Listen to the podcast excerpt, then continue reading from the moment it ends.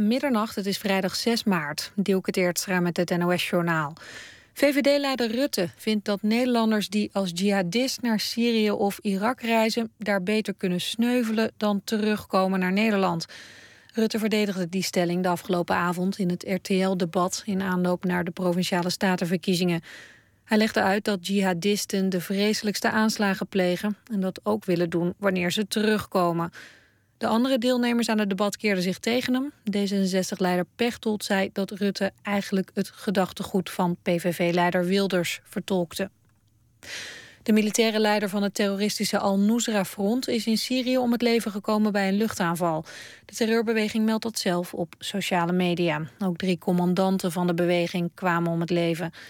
Het is niet duidelijk wie de aanval heeft uitgevoerd. Persbureau Reuters zegt dat het de internationale coalitie was, onder leiding van de VS, maar die ontkent. Het Syrische staatspersbureau zegt dat het een operatie van het leger was. Strijders van Boko Haram hebben in een afgelegen dorp in Nigeria zeker 68 jongens en mannen gedood. Bij veel mannen sneden ze de keel door. De lijken lieten ze achter in de plaatselijke moskee. De vrouwen mochten ontsnappen en kwamen na de aanval terug. Boko Haram-strijders hebben de afgelopen week in Nigeria tientallen mensen vermoord en talloze huizen in brand gestoken. Feyenoord-hooligans hebben rond de wedstrijd tegen AS Roma voor ruim 8 miljoen euro schade aangericht. Dat heeft de gemeente Roma berekend. Zo kost de reparatie van een monumentale fontein 1,5 miljoen euro. Ook zijn er vernielingen aangericht in de bussen die Feyenoord-supporters naar het stadion brachten.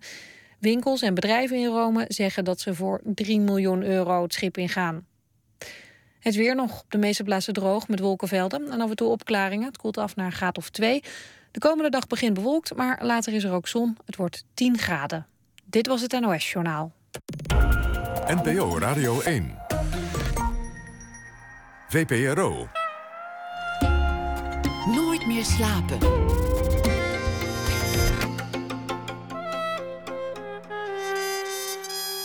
Met Pieter van der Wielen.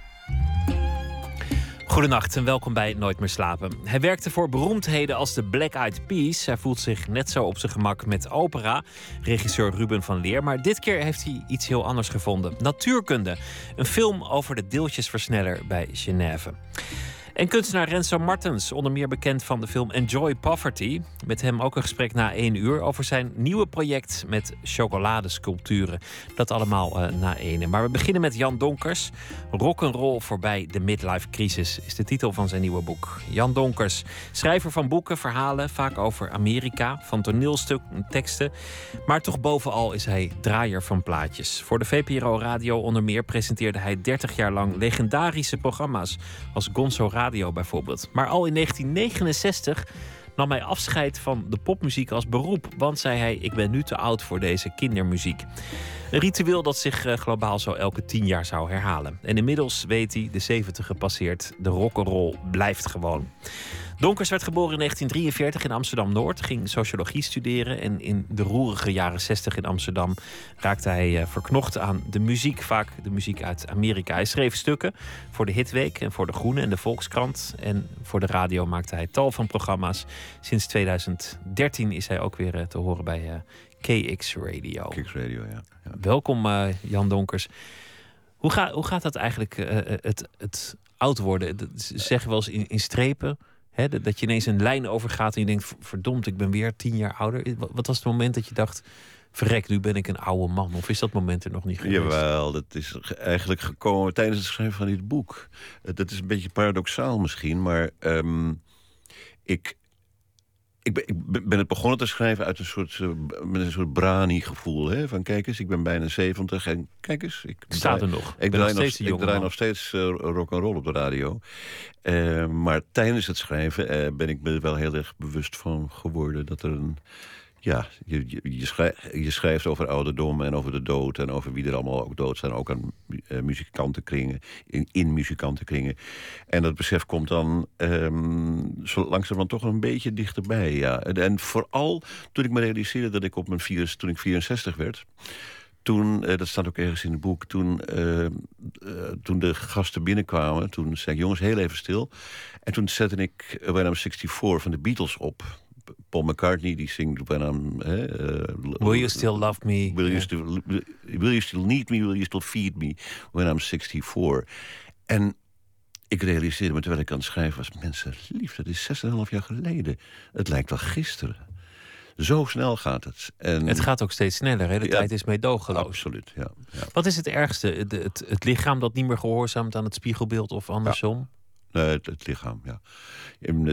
Tussen de oren gaat het nog uitstekend. Eh, en eh, het concentratievermogen eh, is nog prima. Op de tennisbaan gaat het ook nog steeds goed. De reflexen zijn goed. Maar ehm, ja, het, de, er zijn wel slijtageplekken, ja. En het ergste, het ergste is niet meer kunnen uitslapen. Dat is een ouderdomskwaal die ik de laatste jaren heb... en die steeds erger wordt. Wat er ook gebeurt, ik ben om half acht klaar wakker. Ook al ga ik om twee uur naar bed zoals strakjes. Maar dat, eh, om half acht ben ik wakker en dan moet ik op. En dan, dat is dan vervelend voor de rest van de dag. Want als ik werk moet doen waar concentratie bij nodig is... eh, dan eh, is mijn productie gewoon veel minder. Inslapen lukt wel of heb je al van die pilletjes in huis? Ja, die heb ik wel in huis. Ja, die, in noodgevallen komen die er absoluut wel aan te pas. En de overlijdensadvertenties, kijk, kijk Ja. je die vaker dan vroeger? Ja, absoluut. Ja. En dan, dan Eh, zie je ook van, god, komt dichterbij, het, Ja. het moment. Het, eh, het kantelmoment is, is al gepasseerd. Eh, als ik de Volkskrant en de NRC lees... eh, gaan meer mensen dood die jonger zijn dan ik. Tenminste, nee, nee, nee dat, zo moet ik het niet zeggen. De blijkens advertenties gaan er, hè, wat, wat er in de krant eh, komt... gaan er meer mensen dood die eh, jonger zijn dan ik... dan die ouder zijn dan ik. Maar mensen die jonger sterven krijgen meer advertenties. Is dat zo? Ja, ja, je waarschijnlijk een- wel. Ja, heb oh, je een ja. baas en een Hey. vereniging. Hé, wat een opluchting dat je dat zegt. Daar had ik er helemaal niet bij nagedacht. Ja, dat is dat. nou ja, je beschrijft eh, eh, andere dingen, maar ook hoe het jezelf verandert, de jaren. Dat je, dat je een, een gevoeliger man wordt, dat je ook op jezelf kritischer terugkijkt. En, Mhm. en ook af en toe met, een- met een zekere wroeging, heb ik het wel goed gedaan. Mhm. Ja, Waar, waar zit hem dat vooral? Ehm, nou ja, ik heb natuurlijk altijd een beetje me laten sturen door wat er om, wat er om me heen gebeurde. Ik heb eigenlijk heel ehm, afwachtend, geloof ik, in het leven gestaan.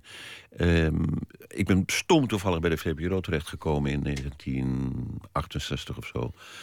En er nooit bij nagedacht dat ik ook iets anders zou kunnen doen. Tegenwoordig moet- moeten mensen een career move maken om de zoveel jaar. Willen ze zelf het gevoel hebben dat ze eh, nog meetellen, dat ze gewild zijn. Ik heb dat idee nooit gehad. Ik dacht, ik zit hier prima. Eh, dus ik had wel, wel misschien wat. En, en- en nogmaals, ook nu heb ik er geen spijt van. Hè. Ik heb een geweldige tijd gehad bij de VPRO. En ik heb de hele wereld bereisd op kosten van de VPRO. Dus wat, wie ben ik om te Het klagen? waren, ook, het waren ook prachtige jaren Ja, natuurlijk. natuurlijk. De bomen groeiden tot in de hemel. Je kon, Ja. als, als je op de televisie zag dat er in... eh, hè, ik, ben, ik doe het even voor alle duidelijkheid. Ik ben ook eh 15 jaar buitenland eh, redacteur geweest. Ehm, als je op de televisie eh, zag dat er onlusten waren in Panama... eh, ik noem maar wat op... eh, eh, eh, dan zat je de volgende dag in het vliegtuig... En dan een week later kwam je terug met een re- een reportage over wat er allemaal gebeurde. Dus Dat was geen enkel discussie. Er waren toen ook volgens de verhalen eindredacteuren die zeiden: ga naar Ja. Liberia, ga naar Togo, er zijn daar vast verhalen. Ja. En dan kreeg je een maand om daar rond te reizen Ja. en te kijken wat de verhalen waren. Nou ja, die standplaatsen hè, die we deden, dat was Ja. natuurlijk... eh, ik heb drie maanden in Havana gewoond. eh, vier maanden in Mexico-stad. eh Tegucigalpa en Honduras, standplaatsen. Dan, dan, dan, dan huurde je een huis en dan zat je daar maandenlang. En dat werd allemaal betaald. Je zei eigenlijk was ik afwachtend in het leven. Je, je, je Ja. bent, je bent streng voor jezelf, vind ik. Ook in je boek. Je zegt, ben ik wel aardig geweest? Eh, Heb ik, Mhm. heb ik eh, eh, vriendinnen wel genoeg aandacht gegeven? Was, Mhm. ik, was ik niet een man van te veel brani? Probeerde ik mijn onzekerheden niet te overschreeuwen? Het, het zijn, het zijn harde oordelen over jezelf. Ja. Ja, en, en, en dat zijn allemaal dingen die... eh, vooral in de nachtelijke uren, als je niet kan slapen... dan komt dat als een soort lawine af en toe. komt dat je brein binnen. Maar dat is zo. Dat die, die vragen die je nu stelt, ja, ja ik heb... ik, ik probeer altijd aardig eh, en eh, meelevend eh, te zijn. Maar ik heb mensen heel erg teleurgesteld in mijn, mijn leven, ja. Maar het heeft ook geen zin om en, daar... tekort gedaan. Nee, nee, nee je kan, dat, dat, dat is... Komt niet meer terug? Nee. En je kan nu alsnog gaan zeggen, excuses aanbieden, enzovoort, enzovoort. Maar dat heeft geen zin, natuurlijk. Dat, dat, dat, uh, en het is ook niet zo dat ik er dagelijks mee rondloop. Maar het is wel een besef dat uh, ja, nou ja, je gaat onherroepelijk nadenken over wat, wat, heb ik gedaan, wat heb ik niet gedaan. En, uh, en wie heb ik tekort gedaan, geschoffeerd, teleurgesteld enzovoort. Dat, dat zijn vragen die allemaal naarmate je ouder of laat ik voor mezelf spreken, die, ehm, die, die zich voordoen. Ja, ja, en, en niet, altijd, niet altijd even prettig. Het is iets wat je wel vaker hoort. Hè? Wegzeppen als het, als het moeilijk wordt in het, in het journaal. Of uh, ineens geroerd worden door iets. Een, een, een diertje of, of nou ja, een kind. De, of, de, uh, nou ja. daar raak je een punt. Ik, ik kan naar, naar natuurfilms kan ik bijna niet meer kijken. Ik kan heel erg slecht tegen dierenleden bijvoorbeeld. En zo gauw als er een beest doodgaat... ja, ik weet dat er iedereen... Je weet het allemaal verstandelijk. Het is de natuur. Daar gaat, iedereen gaat dood. Maar ik, ik, eh, het is een soort mellowing van de, van de, van de gevoelens... die, uh, die met, in de loop der jaren... Uh, misschien niet sterker is geworden... maar die ik niet meer ontken, laat ik het zo zeggen. ik, ik als, ik, als mijn ogen vochtig worden, dan mag iedereen dat zien. Wat ook hoort bij uh, het ouder worden, is dat je op een gegeven moment iets gaat doen waarvan je dacht dat je het nooit zou doen. Sterker nog, de mensen die het deden, die vond je, die ja. vond je echt oude lullen. En het leek je ook het sufste wat er was. En misschien dat je ooit zei. Als je mij ooit meeneemt op een cruise, dan spring ik zodra we op open zee zijn overboord. Want dat -hmm. wil ik niet. En toch doe je het op een dag. -hmm. Maar niet zomaar een cruise. Nee, en, het, niet, en ook niet één keer, want het is al de vierde keer. En volgend jaar gaan we misschien, want het is nog duur geworden, voor, voor de vijfde keer. Um, nee, het is niet zomaar een cruise. Het zijn, uh, het zijn muziekcruises. Het is een wereld die, die, die, die totaal nieuw voor mij was. Maar het verschijnsel thema cruises, dat is, uh, dat is in Amerika heel erg populair. Je hebt... Uh, cruises waarbij uh, verhalenvertellers optreden. Je hebt uh, uh, politieke cruises die door de, hoe heet het, het blad Nation wordt georganiseerd. je hebt Elvis cruises bijvoorbeeld, maar die zijn geloof ik dis discontinued. omdat Omdat er geen groeimarkt in zat. Omdat er minder Elvis-fans bijkomen. Uh, ja, en de laatste mannen die ooit, ooit, met hem gespeeld hebben, die, worden, die zijn ook al dood. Dus je kun, dat kun je niet meer, die kun je niet meer opvoeren. Het, het, het je hebt opera cruises, je hebt uh, swingers cruises, je hebt heavy metal cruises, je hebt blues cruises, enzovoort, enzovoort. Uh, en waar, waar, waar, wij op mee gegaan zijn, dat is Cayamo. Dat is een, een cruise waar um, je vaart van Miami naar een aantal Caribische eilanden. En uh, s'avonds en overdag bij het zwembad treden daarop John Prine, Greg Trooper, uh, John Hyatt, Emmylou Harris. Hele grote namen uit de, de ja, Americana ja, muziek. Ja, ja. en um, het is de mooiste vakantie die je kan voorstellen. Ik zei aan het begin, je hebt heel veel dingen gedaan. Uh, uh, verhalen geschreven, toneelstukken geschreven, journalistiek bedreven, uh, buitenlandredacteur geweest. Maar steeds kwam die muziek ja. terug. En mm -hmm. um, ja, als mensen jou later zullen herdenken, dan is het toch in de eerste plaats wat je ook allemaal gedaan hebt als -hmm. de man die plaatjes draaide. En de man die ook hele generaties opvoedde met bepaalde soorten muziek. Toch had je daar zelf een worsteling mee. Ja. Je, je dacht al heel snel in de jaren zestig dit is kindermuziek. Ja. Dit kan ik niet blijven doen. Dit is nu leuk, maar over twee jaar moet ik iets anders doen. Ja, want ik wilde serieus genomen worden. En dat word je niet, dacht ik toen, zoals iedereen dacht in de jaren 60. Hè? De mensen die zeggen van wij, wisten altijd al dat dit blijvend zou zijn, die, die, geloof ik niet. Ik vertrouw het niet. En um, uh, het is niet voor niks dat ik het boek een uh, motto heb meegegeven. Een uitspraak van Mick Jagger uit 1964. Waar hij zegt... Uh, I, give the, I know this won't last. I'll give the Stones another two years. Uh, dus die dacht dat het in 1966 wel een beetje afgelopen zou zijn. En dat hij dan weer uh, Dixieland zou gaan uh, Er zijn veel van Mick Jagger, zijn denk ik van, van alle meerdere rocksterren, meerdere citaten. Ja. Ik heb er eentje door de, de redactie laten losknippen. Ja. En dat, nou, dat hebben ze met verven gedaan. Luister maar. What's the... How do you sort of... Um, You, have been doing this now for how, how many years is it? Two years. Two years. How, how, much longer do you give yourself doing this thing, going around being a sort Well, I of a, a, I don't know. I never thought we'd be. I'd be doing it for two years, even. You know, when, when we started off, I never thought we'd make it very big anyway. And then when we have, we've been doing, we're making records for two years, and everybody still goes around calling us quite a new group, you know, sort of. And I don't know, honestly. I think I think we're sort of pretty well set up for at least another year. At least another year, ja. Dat, dat wat weer waar is, hè? Ja, Ten- Tenminste nog een jaar. Maar dat zijn Maar er dus eh wie nog 40 leeft, geworden. Wie zeg maar niet in 1970 in een badkamer is gevonden eh, wegens drugs of, of Mhm. andere problemen. De meeste spelen eigenlijk nog. Er is een Ja. heel enkeling die, die is echt met pensioen gegaan, maar de meeste toeren nog in wat voor formatie. Ja. En het publiek gaat ook nog steeds. En als jij op die, op die boot zit, Want het publiek is ook eh, meegegroeid met, met, Ja. die, met die muziek. En eh er zijn, de, de, Boet Jagger heeft heel veel van dit soort uitspraken gedaan. Maar je hebt bijvoorbeeld ook in de VPRO-gids vorig jaar... was er een serietje eh, interviews met Nederlandse muzikanten... Van, van die generatie ook. En ik kan me nog heel goed een uitspraak van Rinus Gerrits eh, herinneren. van de earring. Van de Iering. Die zegt, van, ja... werd mij steeds gevraagd in de jaren 60 toen we een hit hadden gehad en nog een hit. Wat ga je hierna nou doen?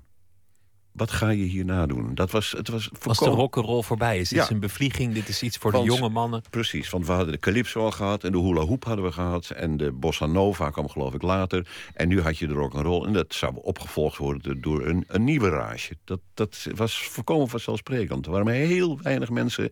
Hè, iedereen zegt dan van ja, maar Danny en de Juniors dan, die zongen al in 1958. We don't care what people say, rock and roll is here to stay. Maar dat was een novelty song. Dat was geen, geen serieuze uiting van een, iets wat, in geloofden. En ik herken dat heel erg, wat Rinus eh, zegt. En, en wat Mick Jagger zegt. Het, is ook, het, verbaast me helemaal niets. Want ik had zelf ook het gevoel...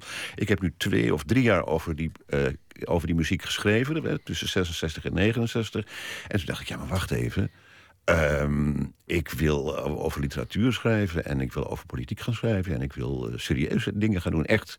hè, en oh, de Volksland was ook meteen zo aardig dat ik meteen in de week na, na, na mijn afscheid de memoires van Nabokov mocht, mocht, mocht bespreken. Dus daarmee had ik eh, iets wa- waarvan ik dacht van nou kijk hier word je, hè, dit is, eh, Dit is echt dit iets. is echt iets. Ja. Nu, nu zouden mijn ouders trots op me zijn. Ja, ja. ja, En, dat, eh, en dat is steeds maar weer doorgegaan. Iedere keer dacht ik opnieuw van, nou, nu moet het maar eens afgelopen zijn. Maar toen kwam de VPRO natuurlijk. Ik mochten op Radio 3, eh, op Hilversum 3 heette dat toen nog. Wim Noertuk en ik mochten onze gang gaan. En ja, radio maken is natuurlijk nog wel even iets anders. Hè? Want daar hoef je niet te beschrijven eh, waarom, iets goed vind, eh, waarom je iets goed vindt. Maar je kunt het laten horen. En laten voelen. Ja. En laten voelen. En dat is een... eh, eh, ehm, ja, ik heb dat altijd... Met, met tussenpoos, hè, maar bij de radio heb ik ook diverse malen afscheid genomen. En steeds weer opnieuw dacht ik, ja, nou ja, maar... Als ze me nou vragen en ik, ik, vind, ik luister nog steeds naar die, muziek. Ik luister. En, en waarbij er komt iets bij natuurlijk. Dat die hele ontwikkeling in, in die muziek. Het is niet alleen zo dat die generatie van de jaren zestig. dat die ouder is geworden en muziek is blijven maken. en zich soms is blijven vernieuwen. Hè. Mensen als Neil Young en Richard Thompson wel. De Rolling Stones niet, bijvoorbeeld, vind ik. daarom vind ik ze muzikaal gesproken niet, niet zo interessant. Dat ze geen nieuw werk maken, alleen Nee. het oude werk spelen. Het is, ja. maar ik bedoel, als fenomeen is het natuurlijk eh, interessant. Muzikaal niet zo vreselijk. Eh, maar het, wat ook is... Kijk, het, het is... Ik citeer ergens in het boek Jan Vollaert van de NRC Handelsblad. Die zegt, ja, popmuziek is een veelkoppig monster geworden. En het is ook zo. Er zijn zoveel stijlen nu die, die, die in de loop der der decennia zijn ontstaan. Uh, mengvormen daartussen. Uh, teruggrijpen op, op vroeger. Als je nu naar de Nederlandse bandje, bandjes luistert... die op het Excelsior-label bijvoorbeeld uh, verschijnen. Hè? Jacco Gardner, bijvoorbeeld, Tim Knol. Dus, ook, ehm, hoe heet het ook weer? Die, die, die uh, die, nou ja, komt zo dadelijk wel. Maar ontzettend veel. De Kick bijvoorbeeld, um, Tangerine. Um, grijpen allemaal terug op muziek uit de jaren 60. Uh, en... het, het, leeft nog. Die, die, die, als je naar zo'n concert gaat, dan staan er uh, twintigers en, en zeventigers uh, gemoedelijk ja. naast elkaar. De rebellie is er wel vanaf. Want in de jaren zestig ja. ging het natuurlijk ook ja. erover dat je de, volgende, de vorige generatie zo ver mogelijk van je af wilde duwen. Ja, Toen was het ook, en dat, toen was het ook eh, eh, muziek van een generatie hè, die, die eh, protesteerde dat, dat, tegen, wat er, tegen de vorige generatie met zijn materialisme en zijn oorlogszucht in Vietnam enzovoort. Dus het voelde als een soort rebel, ja, het was de, een uiting van rebellie was de muziek heel, heel vaak. Dat is in de jaren zeventig al begonnen eh, af te nemen. Toen kreeg je het, eh, dat veel meer introverte eh, muziek, die ik overigens prachtig vond hoor, daar gaat het niet om. Ehm, maar tegenwoordig is die rebellie helemaal verdwenen. Ja, of anders in ieder geval. Maar het Nou is niet meer een essentie van popmuziek. Nee, nee om, ook omdat jeugd ook niet meer de essentie van popmuziek is. Hè? Het is alomtegenwoordig. Ik wil je vragen om eh, op de voor jou typerende manier iets, iets eh, te zeggen over een nummer dat we gaan draaien. En het, dat gaat over eh, Jackson Brown. Ja. Een, een nummer uit de jaren zeventig met de titel For a Dancer. Voor dansen, ja. Ja, d- dat is, ik heb het ook als een van de andere motto's van mijn boek ehm, genomen, omdat ik. ehm, het is, een, het is de, de beste uiting, de beste verwoording die ik ooit in muziek heb gehoord van een, een idee dat mij heel erg bekend voorkomt. Eh, namelijk eh, de aanvaarding van het feit dat het leven geen zin heeft. En dat je daar helemaal je geen zorgen over hoeft te maken. Want dit was eigenlijk, die, plaat van Jackson Brown was het moment dat de babyboomers ouder begonnen te worden. De Ja. eerste echtscheidingen, eh, de, Ja. de, de eerste banen. En eigenlijk de eerste teleurstellingen kwamen in dat leven. En hij, hij verwoordde dat heel mooi in die plaat. Ehm, d- dat, ehm, het couplet waar je het over hebt. So go ahead and throw some seeds of your own. And somewhere between the time you arrive and the time you go... may lie a reason you were alive. But you'll never know. En dat vind ik hele wijze woorden. In the end, there's en, one ja, dancer. en dat is, dat, dat is dan de, de slotregel. In the end, there's one dance you'll do alone. Laten we luisteren naar Jackson Brown. Keep a fire burning in your eye. Pay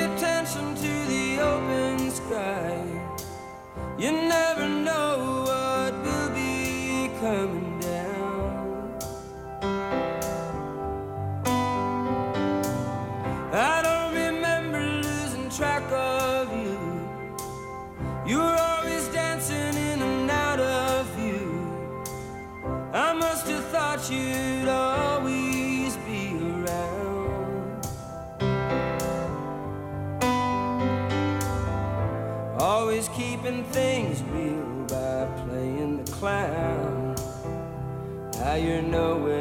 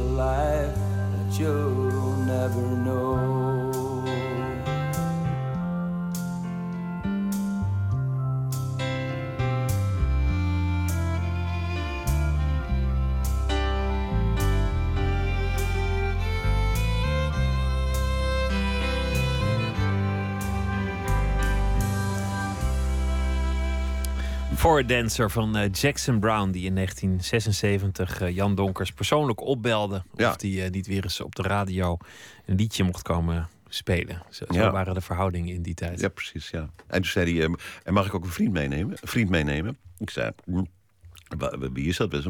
Hij heet Warren Zevon. Z-E-V-O.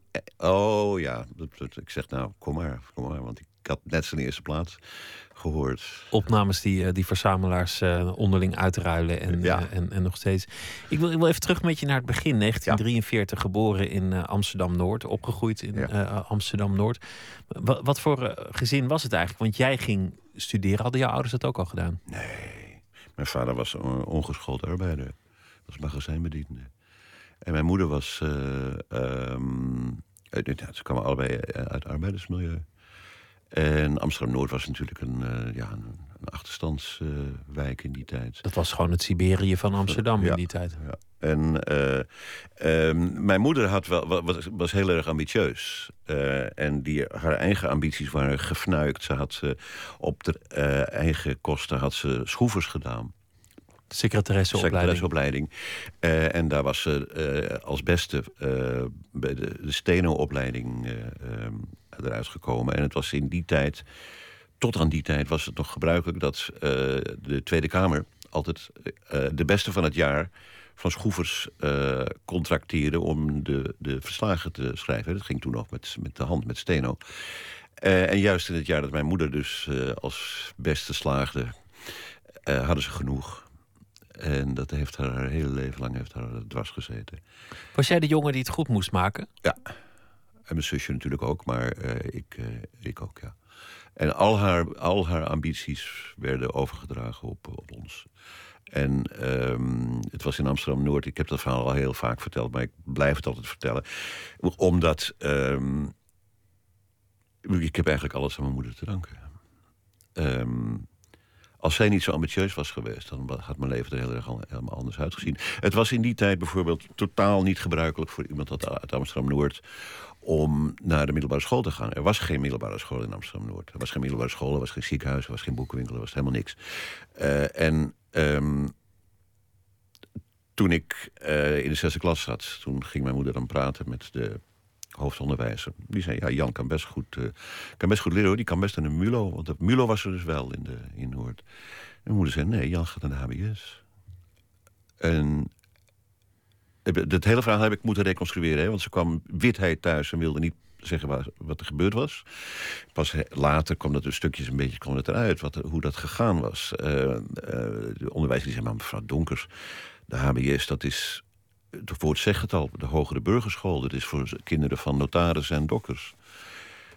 Ehm, mijn Jan gaat naar de HBS. En ach maar mevrouw Donkers, dat dus helemaal, moet hij helemaal iedere dag met de pont over. En, en die boeken zijn heel duur. En dan moet hij er iedere dag op zo'n school moet hij er netjes uitziet.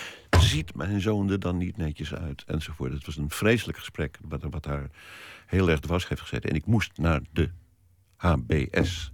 Eh, eh, ik heb het nagekeken. eh, omdat ik die ambitie van mijn moeder natuurlijk... Nou ja, zoals ik net al zei, ik heb er alles aan te danken. Ehm, er waren toen al al 60.000, ruim 60.000 inwoners in Amsterdam-Noord. Eh, Je mag raaien hoeveel van die 66 of 62.000, ik weet niet precies meer... er naar, eh, de, de, met de pont overgingen iedere dag naar een middelbare school in de stad. Dat zullen er niet heel veel zijn geweest, vermoed ik zo. 155 Heel weinig. op de 62.000. Maar die ambitie van je moeder en, en dat vertrouwen dat zij in jou had, dat heeft toch niet kunnen verhinderen dat jij altijd onzeker was. Dat, nee, dat, als je dat bent, dan ben je dat. En dan kun je dat, dat kun je... Had dat niet daar, daarmee te maken van, oh, ik ben toch maar een jongen uit Ja. Noord en anderen zien misschien aan mij wel dat Oh, ik toch een jongen van Noord ben? Oh, absoluut, ja. Je hele leven gebleven? Ja. ja. En, eh, en, en mijn hele leven, nee, nee, niet mijn hele leven, maar vrij snel geleerd dat eh, te overschreeuwen. Eh, of overschreeuwen, maar dat weg te stoppen. Maar dat, die hele fundamentele onzekerheid, die heb ik altijd, altijd gehouden. Eh, ik, ik kwam natuurlijk al heel snel in milieus waar ik, eh, waar, waar dat dat- wij zijn de beste van, een soort van zelfsprekendheid was. Hè. Ik ben gaan studeren naar de middelbare school. Niet omdat ik bij de universiteit wilde. Nee, ik wilde bij Propiacurus. Ik wilde redacteur van Propiacurus worden. En dat was natuurlijk, in, zeker in die tijd, dus nu nog steeds hoor... maar dat, dat, dat, dat bulkt van het... eh, eh, eh, ehm, ehm, nou, ja, wat, wat is het beste woord daarvoor? Maar in ieder geval van wij zijn de beste. Er zijn misschien nog Bravoer zou je ja, bravoer, noemen. ja, ja, ja. En toen Maar later... ook recalcitrantie. En dat is eigenlijk gek als je als, je als eerste in de familie mag studeren. En je moeder heeft, heeft echt de nek uitgestoken om het voor elkaar te krijgen. En je bent daar. En je komt in een omgeving waar iedereen zo hard mogelijk tegen alles aan wil schoppen. Elke autoriteit. Ook de hoogleraar. Misschien wel vooral de hoogleraar. Mhm. Dat, dat lijkt me een dubbel gevoel voor iemand. Ja, het was ook... Het voor was, wie het niet vanzelfsprekend was om daar te zijn. Nee, maar je kunt, kijk, je- kunt natuurlijk als je, je je omgeving, die nieuwe omgeving waarin je dan verkeert. Hè, en later had ik dat bij, bij, bij Hitweek natuurlijk ook. Hè, later, en, bij, en bij de VPRO natuurlijk helemaal. Dus vanaf het moment dat eh, de VPRO ehm, eh, de, geen domineesomroep meer was, maar door de jongelui werd overgenomen, daar, daar heerste me een bravoure en een arrogantie. Dat was onvoorstelbaar. Achteraf, ik hoor wel eens verhalen dat dat is, dat is werkelijk onvoorstelbaar. eh, Ja. eh, hoe arrogant Ja. de VPRO-radio eigenlijk was. Maar het was ook de, de tijd waarin, waarin ze bovenop lagen. Ja. De, tijdgeest mee hadden eigenlijk. Natuurlijk. Dus we waren, we waren ervan overtuigd dat het, eigenlijk het enige wat ertoe deed. Dat we, Propiacurus, nou ja, er waren nog andere studentenblaadjes in de landen, maar dat, ja, who cares? Eh, en datzelfde gold voor Hitweek, datzelfde gold, voor de, zeker voor de VPRO. Hè, we, we wisten zo, zo ongelooflijk zeker dat wij in de voorhoede liepen van iets dat eh, heel erg groot en, en, en was. En dat, dat eh, de wereld zou gaan overnemen. Maar goed, daaronder Ehm, dat beschrijf ik ook in het boek. Ehm, in, in al die jaren dat ik inderdaad eh, in Propria Cures hele baldadige stukjes schreef. Op college durfde ik, ik mijn mond niet open te doen. Dus ik heb, geen, en- ik heb geloof ik in al die jaren, totdat ik zelf kandidaatsassistent werd, toen dacht ik, nou, nu moet ik, nu moet ik mijn mond wel open doen, want ik ben assistent van de professor. En, eh, ehm, en, dat is een, en dat is een soort fundamentele onzekerheid die heel erg lang gebleven is. Ik, ik heb het nu niet meer hoor. Eh, maar ik heb nog tot heel lang, als ik een gesprek moest leiden of eh, iemand in het openbaar moest interviewen, altijd in mijn achterhoofd. Dat die, tot, tot een jaar of twintig geleden, denk ik nog wel. Dus echt tot mijn vijftigste wel. Dat er op een gegeven moment op rij zeven een man zou opstaan die zou zeggen... "Maar meneer, waar heeft u het over? Wat u, doet u hier? U, heeft er hier niet." helemaal niets van begrepen. En dan dat ik dan ontmaskerd zou worden als die jongen uit Amsterdam-Noord...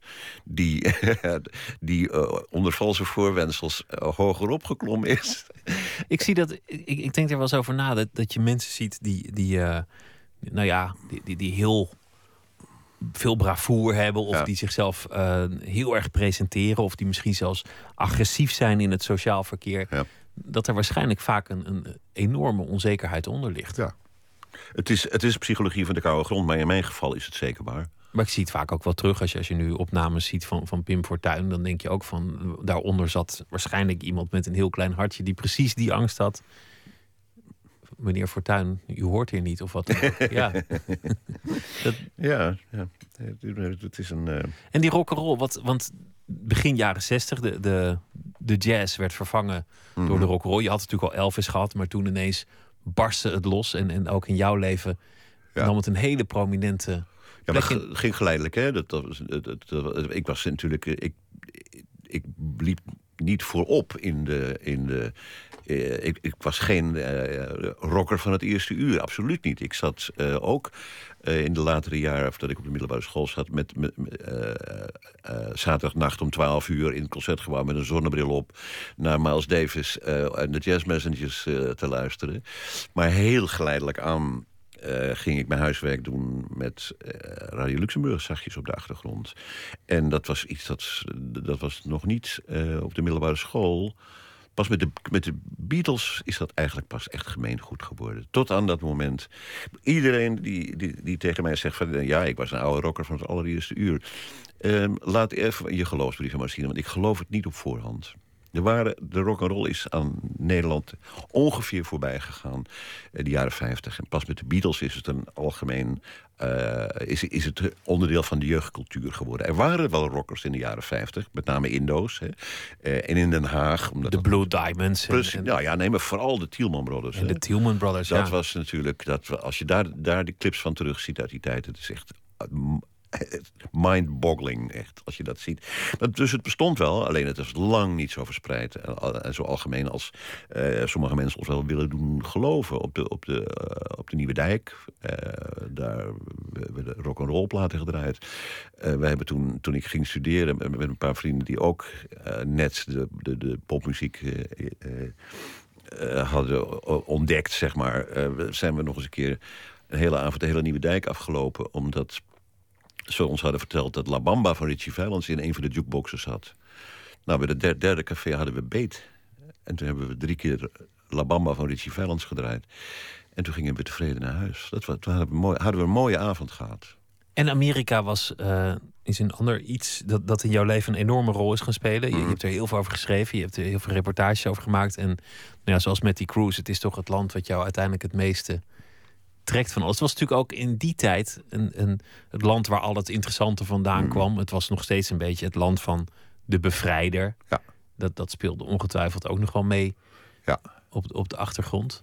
Ja, We- weet je nog wanneer dat begonnen is? eh, met, met mijn moeder, opnieuw.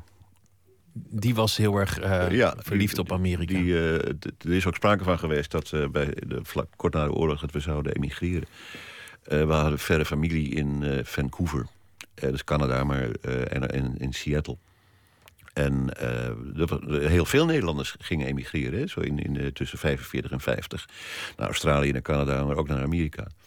Ehm, en dat is toen niet doorgegaan, omdat, omdat mijn vader on- ongeschoolde arbeider was. Die had geen, kijk, als je een vak had, dan kon je de, in, in die nieuwe wereld kon je aan de slag. Maar als, ja, als je geen, geen vak beheerst... Dat was de grote droom, alles uh, ja, en mijn moeder die was daar en die heeft een, eh, een leven lange fa- fascinatie gehad voor Amerika. Las alle, alle las Steinbeck, las eh, noem maar op. en, ehm, eh, en heeft die fascinatie op mij overgedragen. Ja. Ik kan me voorstellen dat, dat als je ouder wordt, dat er ook eh, teleurstellingen insluipen. In de zin, jij bent natuurlijk geen babyboomer, jij bent van 1943, Daarvoor, een, ja. een, een oorlogskind. Dat is een Mhm. heel groot verschil. Maar heel veel idealen, heel veel dromen zijn vervlogen. Het, het maagdenhuis is nu alweer bezet, om, om maar eens Mhm. wat te noemen. Ehm, veel idealen van je generatie, die bleken later toch niet zo nauw genomen, eh, zou je kunnen zeggen. Dat Amerika, daar heb je toch later ook een veel moeilijker verhouding mee gekregen. De- Veel teleurstelling. Mm, nou, wat het tweede deel van je, van je vraag betreft, wat Amerika betreft. ehm, dat niet, dat nee, dat- ik heb altijd geweten, en dat weet ik nog steeds, dat er nergens ter wereld zo kritisch over de Amerikaanse politiek en de Amerikaanse samenleving wordt geschreven en gedacht als in Amerika zelf. Toch was jij heel fel ten tijde van de, de Irak-oorlog, ook alweer Ja. eh, t- twaalf jaar geleden. Je hebt ook een, een boek geschreven over een periode dat jij als gastdocent in Austin zat. Mhm. En, en daar voel ik wel in dat, dat die man die altijd gedroomd heeft van dat land. Dat is het enige. Zich je, je hebt gelijk, je hebt gelijk. Het dat was inderdaad was 2003. Hè? Toen, ik gaf les in Texas. En nou ja, Texas is natuurlijk een hele eh, oorlogszuchtige staat. Eh, en dat, dat was inderdaad vreselijk. En dat was het. eh, toen ik zag dat er kogel, overal kogelgaten in de verkeersborden zaten. En dat het, het, het, eh, ehm, eh, de pui van het huis van mensen die een. Eh, zo'n regenboogvlag hadden hè, van peace of eh, het vredesteken. Of eh, bring back our troops op een bordje op een frontlawn hadden gezet. Dat het met stront was besmeurd enzovoort. En, en de, de, de, de- oh, vreselijk als ik er nu over nadenk. Al de kratten met Franse champagne die in de rivier werden leeggegooid. Omdat Frankrijk het vertikte om die stomme oorlog in Irak. Waar, we, de- waar we nu nog steeds trouwens tegen De tijd van de freedom fries in plaats van de french juist, fries. Juist, ja. En, en dat was eigenlijk, je hebt gelijk, dat was een moment waarop ik dacht... Ik, ik wil hier niet meer naar terug. Ik, ik ben een Europeaan. eh, dit is... Maar dat is voorbij gegaan. Ja. Dat heb ik ook gelezen in, in het boek, omdat je op, op cruise gaat. Het, het, het andere deel van, van de vraag is natuurlijk die hele eh, geest van de jaren zestig. Ja. Als jij nu naar de wereld kijkt, is het, is het dan een, een man die liever wegkijkt, die het liever niet ziet en denkt van goh, alle idealen van mijn tijd zijn vervlogen? Of, of leven ze nog, zoals Amerika nog steeds toch een, een land met ongekende vrijheden en mogelijkheden is? Nou, ik heb... eh, Het is moeilijk hoor. Ehm, ik geloof niet dat mijn, mijn ideeën over een samenleving... dat die heel erg veranderd zijn. Ik ben al 50 jaar lid van de Partij van de Arbeid. Ik stem bijna nooit meer op ze, maar ik ben nog Wel lid. Nog ja, een beetje morrend lid ben ik. Ehm, en ik ehm, ben nog steeds, wat, wat nationale politiek betreft, ben ik nog steeds voor een samenleving met een, eh, een groot sociaal vangnet. Eh, en ve- veel en veel en veel eh, minder ongelijkheid. Maar kijk je, dan, eh, kijk je naar je, je, je tijdgenoten, de, jongens van wel eer, en, en denk oh je, jee, ja, nou ja. of, of doe je, denk, denk je daar niet zo over na? Nou, niet meer, nee. Maar het is natuurlijk een periode geweest in de jaren 70, jaren 80... dat ik de één voor één zag omvallen... en eh, voor de verleidingen van, van, van het kapitalisme zag bezwijken. En ehm, eh, heb ik, heb mensen meegemaakt die... die eh, eh, ik zal de naam niet noemen, maar die... eh, ik heb in in de bezetting van het Maagdenhuis ben ik de, eerste bezetting van in eh, 1970 heb ik ook daar heb ik ook aan meegedaan. En maar ik werd eh, mij werd verhinderd toen de kluis van eh eh, Rector Magnificus Belinfante op het punt stond om eh, ge- geforceerd te worden. Toen werd ik verwijderd omdat ik ehm, eh, een, een reneg- nou, wat was het woord nou ook alweer? Nou, in ieder geval, ik was onbetrouwbaar omdat ik eh, redacteur was geweest van Probiacurus. Ik was, niet, ik was geen marxist. Ik was niet eh, eh, streng genoeg in Niet de leer. genoeg. Nee, ja. degene, degene die mij verwijderde, die, nou, dat, dat gaat, gaat te ver om het helemaal te vertellen, maar die is later, een, die tien jaar later, een restaurant begonnen. Eh, en eh, op de kritiek dat het een beetje ja, aan de prijs was. Ja, nou ja dat, dat moest dan maar. Hè. We moesten de mensen ervoor over hebben. En hij, hij zei, ja, we krijgen ook wel eens mensen hier in het restaurant... en die vragen om een martel bij de koffie. En dan moet ik dus helaas zeggen... ja, moet je eens luisteren, dat soort eh, cognac... dat, gebruiken we alleen in de keuken. Ehm, Marxisme, de, ja, ja, kom je dat ook moet- vanaf. ik- dat, ja, nee, dat is natuurlijk. Dat, ik, ik heb daar nooit in geloofd. Helemaal nooit. Je beschrijft een moment, en en dat, dat vond ik een mooie anekdote in het eh, boek, dat je erachter komt dat jouw muzieksmaak eigenlijk dezelfde is als eh, de meest, nou ja, een, een prominente conservatieve Texaan, namelijk eh, George Bush senior. En eh, de artiest waar we het over hebben, dat was Otis Rush. En we gaan luisteren naar een, een nummer van hem, dat, dat je ook noemt in het boek, My Love Will Never Die.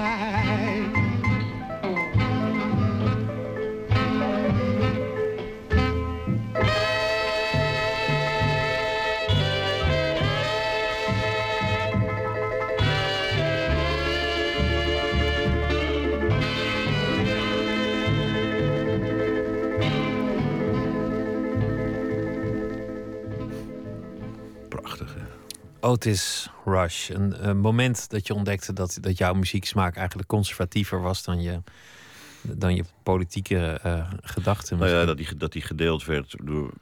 dat ik die deelde met mensen wie, wie wereldbeeld mij zo vreemd was.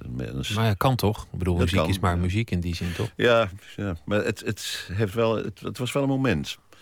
Het, het, het- ik heb daar echt. Het heeft me- me wel aan, aan, het denken gezet, ja.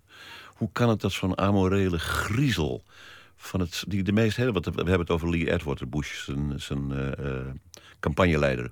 Die de meest vreselijke racistische dingen heeft uitgehaald. Echt vreselijk. Dat hij van dit soort zwarte blues houdt.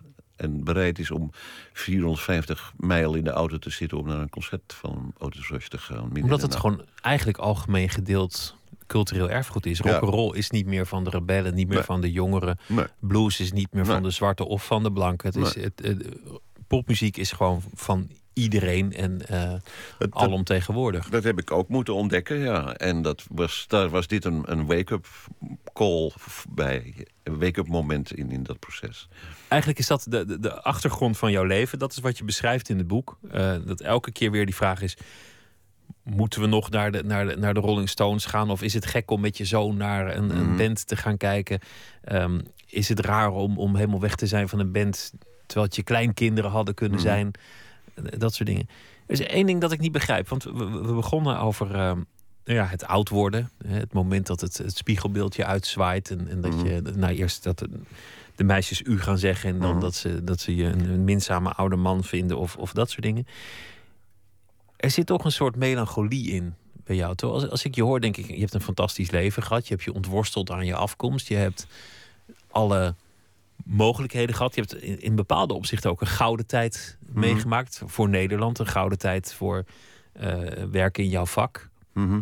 En, en toch zit daar die melancholie. Je schrijft ergens in het boek: had ik niet iets anders moeten doen? Had ik Mhm. niet liever eh, een therapeut willen zijn? Of had ik niet liever gezichtsbehandelingen willen zijn? Je schrijft zelfs: was ik liever niet pornoster geweest?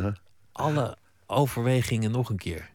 Ja, het is natuurlijk. De, de, je moet een beetje de knipoog erbij. Nee, de, de erbij knipoog zien, is duidelijk. Maar, en trouwens, pornosterren hebben ook ochtendvergaderingen waarschijnlijk. En, eh, waarschijnlijk wel. en Ja. teamuitjes hoor, dus dat is, vast ook niet leuk. Nee, de- de- de- was een van de de dingen bij het persklaarmaken van het boek... dat eh, een van de eh, persklaarmakers zei van... ja, er zitten stijlbreuken in het boek.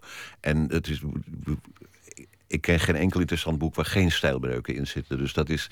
eh, maar dat- een, ik hoop dus dat de, de, de, de knipoog... dat die af en toe wel tussen de woorden door ook nog te zien is. De knipoog is duidelijk, maar ja, daaronder zit iets wat, wat volgens mij wel waar is. Je hebt, eh, ja, nou, ja, kijk, ik ben natuurlijk een zondagskind geweest. Eh, inderdaad, ik kwam bij de VPRO toen er de, de, de- toen er tonnen met geld er waren. En ik ging weg bij de VPRO toen eh, de zendercoördinatoren en de, en de netmanagers voor het zeggen kregen. En toen eigenlijk ook de tijdgeest begon te keren. En Ja. mensen dachten van ja, al dat progressieve gedoe en, en, en Bezuinigingen hier, bezuinigingen daar. Maar kijk, het, is, het zijn. Ehm, ik weet niet of het melancholie is. Het is. eh, nee, ik, het, ik ben er rotsvast van overtuigd dat ik eh, een heel erg mooi. Het klinkt alsof ik bijna dood ben, maar alsof ik, dat ik een heel mooi en, en, en eh, goed gevuld leven heb gehad. Alleen. En nog heel veel voor de boeg waarschijnlijk. Ja. Het- ja, inclusief het rafelige einde van Rudy Westendorp. Ja. ja. Je, je leest je dat soort boeken? Ja, Oh, ja, ja, ja, ja, zeker. En, en ja, ja, nee, natuurlijk. eh, ik ben topfit. Dus het zit erin dat ik nog de- decennia misschien wel mee moet. Eh, maar ehm, ehm, ik ben even vergeten wat het begin Maar was. dat, dat, is iets heel, dat is toch iets heel moois. Want, want eh, mijn grootouders, ja, mijn, mijn, mijn opa, die werd 76. Ja. In die tijd was dat helemaal niet zo bijzonder. Mijn vader is al heel lang dood, maar die zou ongeveer jouw leeftijd zijn. Als ik naar jou kijk, dan denk ik, goh, zo zou mijn vader eruit hebben Mhm. gezien. Maar ook dat was alweer gek genoeg voor mijn gevoel een andere tijd. Maar de nieuwe generatie, ja, Mick Jagger, hoe, hoe oud is die wel niet? En die, die, die, die is fitter dan al die mannen in zijn publiek. Die is even oud als ik, geloof ik. Elke dag steekt hij zijn tong uit naar de ouderdom. Ja. Zo hoort het ook. Ja, dat, dat, dat is waar. Maar ik, ik, ik geloof niet. Ik, ik heb geen. Ik heb zeker geen nostalgie naar die, naar die, naar die jaren. En ik heb ook geen... Dat, die melancholie en dat gevoel van... Had ik het maar anders gedaan... Ehm, ja, ik had misschien eh, wel, waar we het in het begin over hadden... misschien iets proactiever erin moeten staan. Misschien toch eh, beslissingen moeten nemen van nu ga ik dat doen en nu ga ik eh, die VPRO... Het kwam op je pad en je wachtte een beetje af. Ik was altijd heel erg afwachtend. Maar dat doet bijna iedereen volgens mij. Ja, denk je? Ja, denk ik. Ik zie juist heel veel mensen bijna dwangmatig eh, van baan veranderen... omdat dat voor hun cv goed is. Omdat het eh, er niet goed uitziet als je 30 jaar bij dezelfde baas werkt. Maar het, het, ik, kan me vergissen hoor. Maar nogmaals, ook dit zijn... wat, je nu beschrijft, van, was ik maar eh chiropractor geworden... of was ik maar visagist geworden. Dat, dat zijn natuurlijk dingen die waar ik niet overdag verdomme me, hè, met, met, een- met een frons in mijn voorhoofd over nadenk. Dat zijn dingen die s'nachts, als de slaap weer eens een keer niet wil komen... eh, eh, op mijn... Op mijn Als de demonen komen, dan komen ja, dat soort... dan eh, komen dit soort dingen naar boven, ja. ja. Er lijkt één thema in, in jouw leven te zijn. Dat is namelijk ehm, je ontworstelen aan van alles. Je eh, bevrijden, maar ook wel die, die onzekerheid dat je steeds denkt... Nou, ik kan dit niet blijven doen. Mhm. ik, ik, ik moet iets, het echte leven moet nog beginnen. Steeds weer die vraag van het echte leven moet beginnen. En misschien ook, gebeurt het ook wel steeds. Want ik, ik las in, in oudere interviews dat je ook wel zei van... nou, op mijn veertigste, toen, toen eh, begon mijn tweede huwelijk toen ontdekte ik pas echt wie ik was. Toen begon mijn leven pas echt. En elders zeg je op je zestigste. Nou, toen ging de wereld echt open. Toen begon mijn leven pas echt. Ja, je, je, eh, citeert uit dat eh, interview met Hugo Kamps in Elsevier. En ehm, dat is inderdaad, wat dat, dat kwam wel inderdaad op een periode dat... Kijk, op, ik ben om mijn veertigste voor de tweede keer gescheiden. En dat was een... een, een ehm, dat was inderdaad een moment eh, dat mijn leven een radicale wending is gaan nemen. In die zin dat ik mijn rijbewijs ging halen. Eh, eh, ging tennissen. En ook, ja, en nou ja, god, het, het is- toch laat. Dus de men, ik weet niet of de, men- de, degene die het betreft het nog horen. Ehm, de, pas echt een echt seksleven begon. Dat, dat begon eigenlijk pas na mijn veertigste. Toen, toen, eh, toen, begon, het, toen begon het echt. Ja. Maar, ja, oké. Ja. Nou ja. Eh, de, het is misschien raar om erover te praten hoor. Maar eh, het heeft niet zoveel met het, eh, met het boek te maken. Maar het Nou is ja, wel. rock'n'roll en seks, dat gaat vaak hand hand. Ja, je- ja, ja, dat, dat is. En toen, en toen op je zestigste nog een keer. Toen, toen zei je eigenlijk nog een keer iets in, in de trant van... Nu, nu ontdek ik pas wie ik ben. Nu begint het leven pas. Nu, nu doe ik pas de dingen die ik, Echt die ik waar? wil doen. Ja. Heb ik dat ge- Oh. En, dat, was, dat was dan weer iets eh, dat je, dat je met de fut ging of, of, of, of een boek had. Of, het lijkt een, lijkt een terugkerend thema te zijn. Ehm, ja, ja, ja. Hmm, nou, het voelt niet zo. Het, het, het, ik heb me inderdaad heel veel eh, dingen op me laten afkomen en me laten aanleunen. Dat is wel waar. En wat ik net zei, ik heb te weinig, te weinig actief aan loopbaanplanning gedaan. Ik heb nooit aan loopbaanplanning gedaan. Ik heb toch een mooie loopbaan baan gehad. Dus, eh. En, en, en, en, en ehm, dat, dat, het idee van. Mm, mm, mm. Eh, nee, op mijn. Ik heb eigenlijk het gevoel dat ik, als ik er nu over nadenk, dat ik eigenlijk altijd hetzelfde heb gedaan. Met een wat. Wat, wat, wat, Met zijsprongen, wat- maar het kwam uiteindelijk terug op, op plaatjes. Gewoon, ja, ja. met accentverschuivingen hier, accentverschuivingen daar. Maar ik heb, kijk, het is. Ik ben altijd. eh, ik heb mijn passies altijd kunnen, kunnen volgen. Hè, en muziek is, niet, is, is één passie, maar ik, heb, eh, ik hou ook van, van voetbal en ik hou van vrouwen en ik hou van, van, van, van poezen en ik hou van rode wijn en, eh, enzovoort. En ik heb met, met bijna al die passies heb ik geld kunnen verdienen. Ja, niet met vrouwen.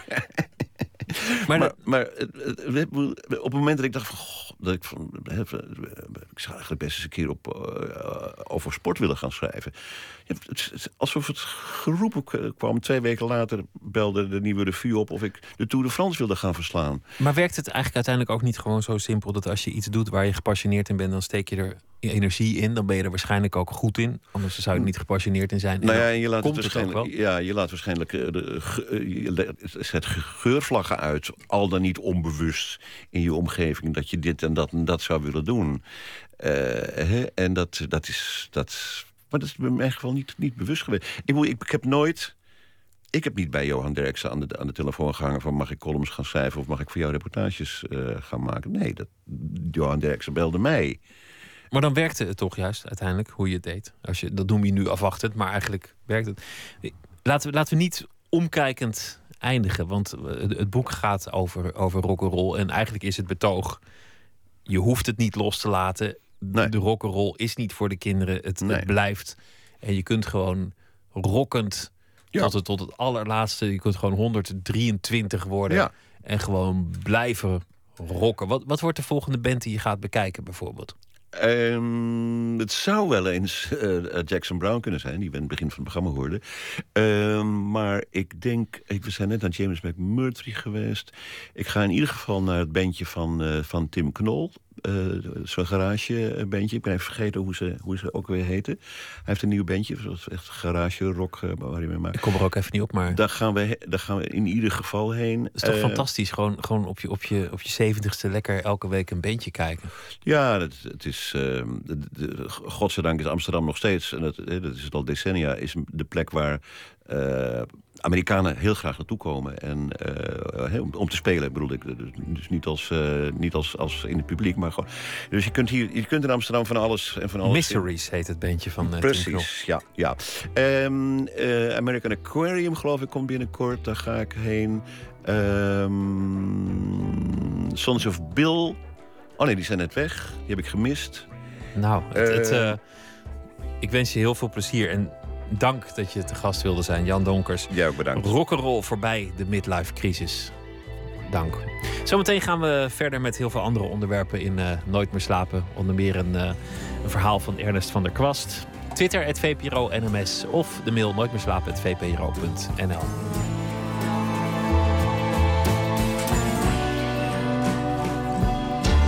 Op Radio 1. Het nieuws van alle kanten.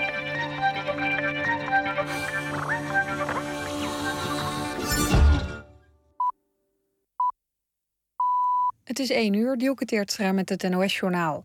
Terreurbeweging IS heeft in Irak opnieuw kunstschatten verwoest. Het gaat om opgravingen in de ruïnestad Nimrud. Volgens Al Jazeera hebben de jihadstrijders onder meer een paleis... en meerdere standbeelden met zwaar materieel bestormd.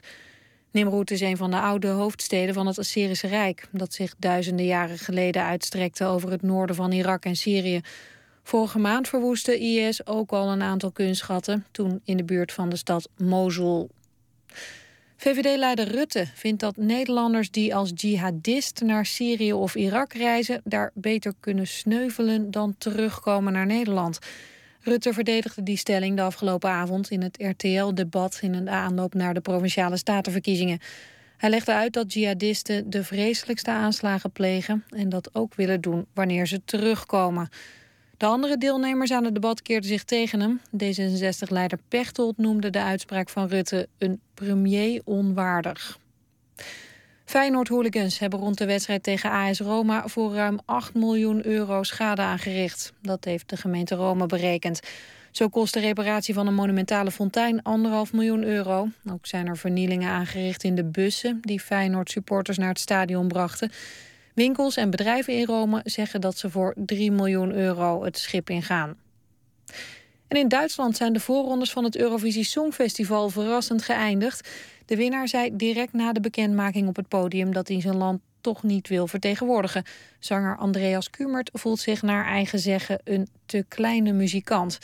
In de Duitse media wordt volop gespeculeerd over zijn redenen. Vlak voor de liveshow zou Kumert hoge koorts hebben gehad. Duitsland vaardigt nu de nummer 2 af naar de finale. Dat is zangeres Anne-Sophie. Het Songfestival is op 23 mei in Wenen. Het weer nog op de meeste plaatsen droog met wolkenvelden en af en toe opklaringen. Het koelt af naar een graad of 2. De komende dag begint bewolkt, maar later is er ook zon. Het wordt 10 graden. Dit was het NOS Journaal. NPO Radio 1. VPRO. Nooit meer slapen.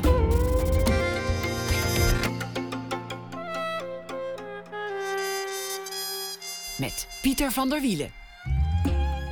U luistert naar Nooit meer slapen. Ernest van der Kwast is schrijver. Hij zal deze week elke dag een verhaal voor ons uh, maken en dat uh, na één uur voordragen. Hij uh, heeft meerdere boeken geschreven. Mama Tandori was een, een grote hit in 2010 en eerder dit jaar verscheen het boek De IJsmakers. Ernest van der Kwast, goeienacht. Goeienacht, hallo. Hoi. Vertel eens over de afgelopen dag. Uh, ik heb hard gewerkt, want ik mocht in de avond een, een uh, talkshow presenteren. Ik kom daar net vandaan en ik mocht onder andere Frans Vogel interviewen. Die, want die wordt 80, dat is een Rotterdamse dichter. Of je die kent. De naam heb ik wel eens gehoord, maar het is niet dat ik zijn gedichten zo blindelings kan opdreunen, moet ik je bekennen. Ik ook niet, maar het was wel bijzonder. Het is altijd wel mooi om iemand van 80 te mogen interviewen. Hoe ouder, hoe mooier het gesprek, denk ik altijd. Uh, en ik keek terug met hem op het leven, leven en, en zijn werk. En, en daar kwamen ook uh, ontmoetingen met uh, vaandragen voorbij. Dus dat, dat, dat was warm, was dat. Een vreugdevolle dag voor jou en uh, de wereld. Heb je nog uh, een beetje gekeken wat er in het nieuws gebeurde? En, uh... oh, ja, op dat soort dagen dat je hard aan het werk bent, heb je wat minder. Maar ik zag net, ik heb net speciaal voor jou, heb ik naar de gekeken. Anders zou ik dat niet hebben gedaan. Zou ik even tot morgen hebben gewacht. Maar ik was wel gechoqueerd door de beelden die ik zag van, van de sloop van kunstwerken. Dat, dat, dat gaat, ja, dat is bijna net zo pijnlijk als, als mensenlevens die door de IS, door de islamitische staat worden gesloopt. Ja, dat is uh, gruwelijk om naar te kijken. En ik, ik kan me herinneren dat... Het is ook zielig. Ergens, ergens komt, komt er dan wel ook medelijden. We denken van... Want het is, ja... Het is zoiets van... Bijna een soort jaloezie zie je dan eigenlijk. Van wanneer maak je iets kapot van, van een ander. Van als je, als je, als je er ja, afgunstig op bent of zo. Van, ja, je hoort gewoon met je poten van, van andermans spullen af te blijven. Er was in ja. de tijd werd, er- werd er heel veel geplunderd. En toen, toen was de boodschap van nee, dat moeten we voorkomen. Want die musea, die musea moeten die kunstwerken daar hebben. En ik, ik had ineens de gedachte vandaag... De, de werken die toen zijn geplunderd en illegaal in New York op de markt zijn gekomen... die zijn tenminste nog heel. Ja, misschien moeten we maar groot voorstander zijn van, uh, van Nou ja, het is diefstal een- van een kunst. Tragische gedachte al met Ja. al. Mhm. Wat is je verhaal geworden? Vergeten. Ga je Ik, gang. ontmoet, ik ontmoette vandaag reclameschilder Willem Kersenmeijer. Jarenlang schilderde hij het gevelbord van het oude Luxor Theater in Rotterdam. Het mat 10 meter bij 3,75 en bestond uit vier delen. Artiesten en producenten vroegen regelmatig of ze het mee mochten nemen. Maar een gevelbord is geen poster die je even oprolt. Bovendien was het lood zwaar. Het ging tien voorstellingen mee, vertelde Willem Kersenmeijer. Dat zei tien lagen verf van zo'n 15 kilo. Daarna werd het doek eruit gesneden en opnieuw bespannen. Ooit maakte hij een gevelbord voor een voorstelling van Simone Kleinsma. Ze heeft tien jaar van mij cadeau gekregen, zei de reclameschilder. Ik heb haar rimpels weggelaten. Als ik die had uitvergroot, was ze er niet mooier op geworden. Tegenwoordig is Willem Kersenmeijer huisschilder van het beeldende kunst. In die hoedanigheid staat hij regelmatig op een steiger of in een hangbak op grote hoogte. Hij beschilderde de, hij beschilderde de gigantische opslagtank van Vopak in het Botlekgebied en maakte er een hoedendoos van. En hij heeft al zo'n 40 muurschilderingen in de stad aangebracht. Van Lutje Bert tot Peter Pontiac, van Cor Kraat tot Co Westerik. Hij weet dat deze namen herinnerd zullen worden en dat die van hem vergeten zal worden. Maar dat vindt hij niet erg. Ik ben een reclameschilder, zei hij. Nu weet ik wat een kunstenaar is. Niet iemand met een witte sjaal of iemand die te veel drinkt of s'nachts werkt, maar iemand die niet vergeten wil worden. Dat is mooi eh, gezegd. Terwijl veel kunstenaars willen natuurlijk vergeten worden. En sommige reclames die kunnen natuurlijk toch ook een soort eeuwigheidswaarde, is misschien wat, wat groot gezegd, maar die, die kunnen tijdloos worden. Of in ieder geval 20, 30 jaar overleven. Ja, als, niet met verf misschien. Ja, een, muurschildering is toch iets ja, maar anders. het gaat meer om de degene die, die het heeft aangebracht. Het is een beetje net als de, de, de, de, de, de, de ambachtslieden die, die de fresco's hebben aangebracht eh, in de Romeinse tijd. Dat, dat, ja, in wezen waren dat ook gewoon kunstenaars, maar niemand weet hun naam. Er is niks overgeleverd. En, en die mannen die leefden ook niet als kunstenaar, die leefden gewoon als bouwvakken als het ware. En ik denk dat dat wel een verschil is. Ik ga morgen naar het boekenbal, morgenavond. En daar zijn allemaal niet vergeten willen worden. Dat, dat is verschrikkelijk, denk ik. Maar goed, ik ben er zelf ook. Ja. Maar ik denk dat ze allemaal gaan drinken om dat weer te vergeten. En ik denk dat ze allemaal wel gaan vergeten wat ze precies hebben uitgespookt op dat boekenbal wanneer ze zaterdag. eh, Nou, daar gebeurt helemaal niks. Iedereen, ze kijken allemaal over je schouder heen om te kijken met, met wie ze daarna Ja. kunnen praten. Dat is er ongeveer niet- de sport. Zo van al die interessante mensen, dan sta ik Ja. weer met Van der Wielen te lullen. Verdomme. Nou ja, dankjewel Ernest. En eh, een hele goed. goede nacht. Zie ik je morgenavond dan? Ben je er? Niet? Ja, ik, eh, ik, eh, ik eh, loop daar ook ergens vermomd als varen rond. Maar hoe gaan we dat doen dan? Want ik moet morgen... Oh nee, jij, jij doet morgenavond niet de uitzending. Dan, Nee. dan- dan moet, want ik moet wel natuurlijk lezen morgenavond. Dan moet je ergens in de gangkast Ik verstoppen en, vrij. Jij krijgt wel vrij, wat een vervelende... Goh, ik krijg al helemaal dat klassenfeestjes eh, gevoel. Dankjewel Ernest maar van der ik Kwast. dat niet vergeten. Ciao. Goed, ciao. Ehm, 2014 was hij er opeens. Ierse zanger, Hozier, ehm, heeft een eh, debuutplaat. En daarop staat een nummer van Otis Rush. Dat draaiden we net al in het eh, eerste uur. eh, want het kwam voor in het eh, boek van Jan Donkers. Nu dus een versie van eh Hozier... die natuurlijk niet helemaal kan tippen aan het origineel. Maar ja, het is toch wel origineel en heel aardig. My Rush will never die. My love will never die.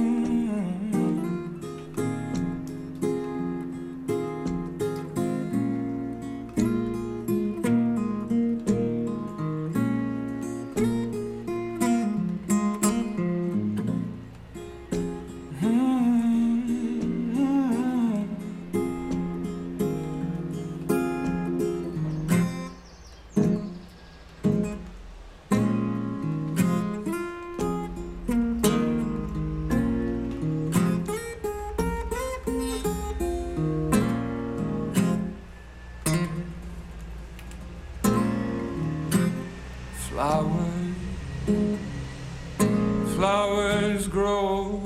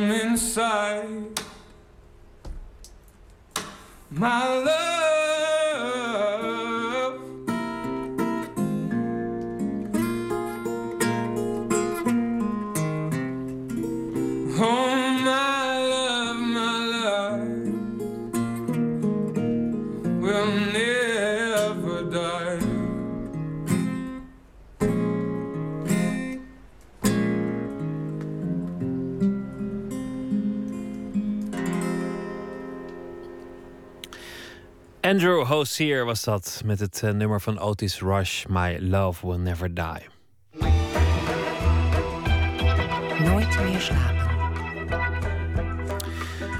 Ruben van Leer is eh, regisseur en ehm, hij doet niet echt aan hokjes en hij deinst ook nergens voor terug. Hij werkt ehm, samen met hele populaire bands als Black Eyed Peas, maar ook met operamakers als Michel van der A. Hij heeft een nieuwe film, Symmetry, en dat is een combinatie van een dansfilm, een speelfilm en een film over opera.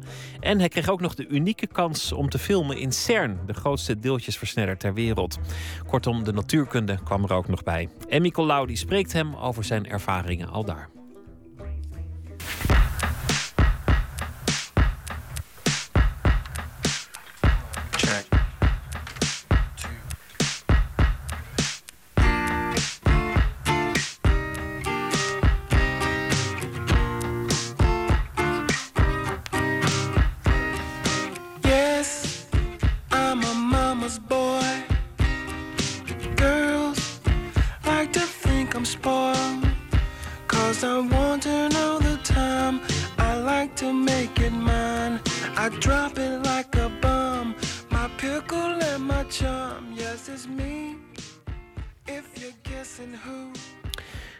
Dit is eh, niet wat ik eh, had gehoopt dat er eh, tevoorschijn zou komen. Want we gingen het hebben over de film Symmetry. Die volgende week in première gaat. Ehm, een gesprek tussen Emmy Colau en de regisseur Ruben van Leer. We proberen het gewoon onbeschaamd nog een keer. CERN is heel bijzonder.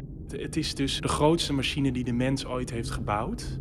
Het is 100 meter onder de grond, een tunnel van 30 kilometer. En er zijn vier eh, detectoren. En wat ze daar doen is in die, in die tunnel, als het ware, kwantumdeeltjes eh, bijna tot de snelheid van het licht eh, opwekken. En, en zo sturen in de banen dat ze op elkaar knallen. En in die knal kunnen ze kijken hoe die oerknal, zeg maar, of het ontstaan van het universum eruit zou kunnen hebben gezien.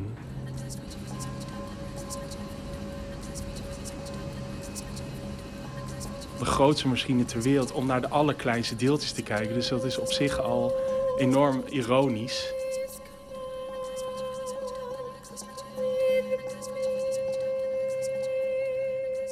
De operafilm die ik heb gemaakt, eh, de dans- en operafilm moet ik zeggen, dat gaat over een, eh, over een wetenschapper, over Lucas.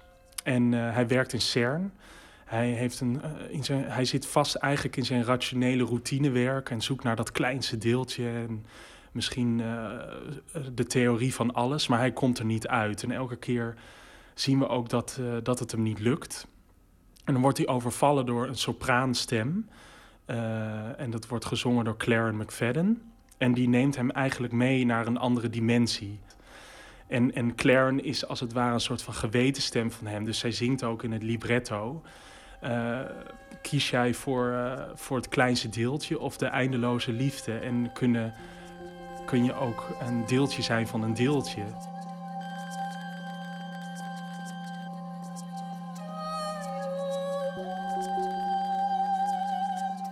Om binnen te komen in CERN eh, was een enorme klus. De eerste keer dat ik daarheen ging was ik natuurlijk bloednerveus. We kwamen daar aan en het was een beetje een anticlimax. De grote machines liggen natuurlijk onder de grond. Dus je komt aan en je hebt daar allemaal van die, eh, van die recht toe, recht aan eh, eh, kantoren boven de grond. Dus ja, het is niet heel anders dan weet je, op de Zuidas in Amsterdam. Dus eh, ik dacht, ja, wat moet ik daar nou mee? Maar we gingen toen onder de grond en dan moet je van die bouwhelmen op... en door allemaal van die elektronische deurtjes waar ze je radioactiviteit meten... wat je erin meeneemt en wat je ermee uitneemt. En toen begon de spanning op te bouwen. En dan is het echt alsof je in een soort van James Bond film zit... met enorme schachten waar je naar boven kan kijken. eh, 60 tot 100 meter onder de grond. En eh, dan zie je in de meest vreemde hoeken en gaten van die engineers eh, klussen aan kabels. Weet je, en elk kabeltje en elk moertje heeft een functie. En ja, dan, dan, dan explodeert gewoon eh, je, je, je verbeeldingsvermogen alleen al. Wie heeft dat allemaal bedacht, weet je wel? En, en dat wij daar als mensen toe in staat zijn. Ik kan me voorstellen dat ze dat niet prettig vinden als je daar tussen die apparatuur gaat rondlopen. Laat staan dansen. Nee, nee, het was een heel groot probleem. Voor een filmproductie ook om een beetje de risico's in te schatten. En wie daar dan moeten zijn en wanneer. Dat moet allemaal heel secuur op een draaidag georganiseerd worden. Maar dat liep inderdaad totaal in de soep. En dan wordt het voor mij interessant. Het is een soort van onzekerheid die dan ontstaat. Waardoor er allerlei hele mooie dingen kunnen gebeuren. En dat gebeurde dus ook. Op het laatste moment eh, waren we in die control room. Nou, dat zijn ongeveer 100 computerschermen. Daar is het Higgs-deeltje uitgevonden. En daar zitten al die deeltjes fysici ook. En die hadden, gewoon een gewone werkdag. Dus die zagen er allemaal netjes uit. En sommigen waren onderuitgezakt met koffie... naar allemaal grafiekjes aan het kijken. En eh, toen vroegen we aan het publiek... eh, jongens, willen jullie niet gewoon meedoen in de film? Nou, dat vonden ze prima. Als ze maar niet te veel eh, van hun werk afgeleid hoefden te worden. En toen hebben we daar met minimale middelen... maar met een redelijk groot team... heb ik die dansers dus tussen die deeltjesfysici geplaatst... in die locatie, in die echte SER-locatie... En die zijn echt daar gaan dansen. En die hebben ook die deeltjesfysici daar soort van in meegetrokken. En ik heb nog iemand, eh, een van die wetenschappers, een klein rolletje kunnen geven. En aan het eind van de dag was het gewoon zo'n enorme, eh, ja, goede sfeer daar.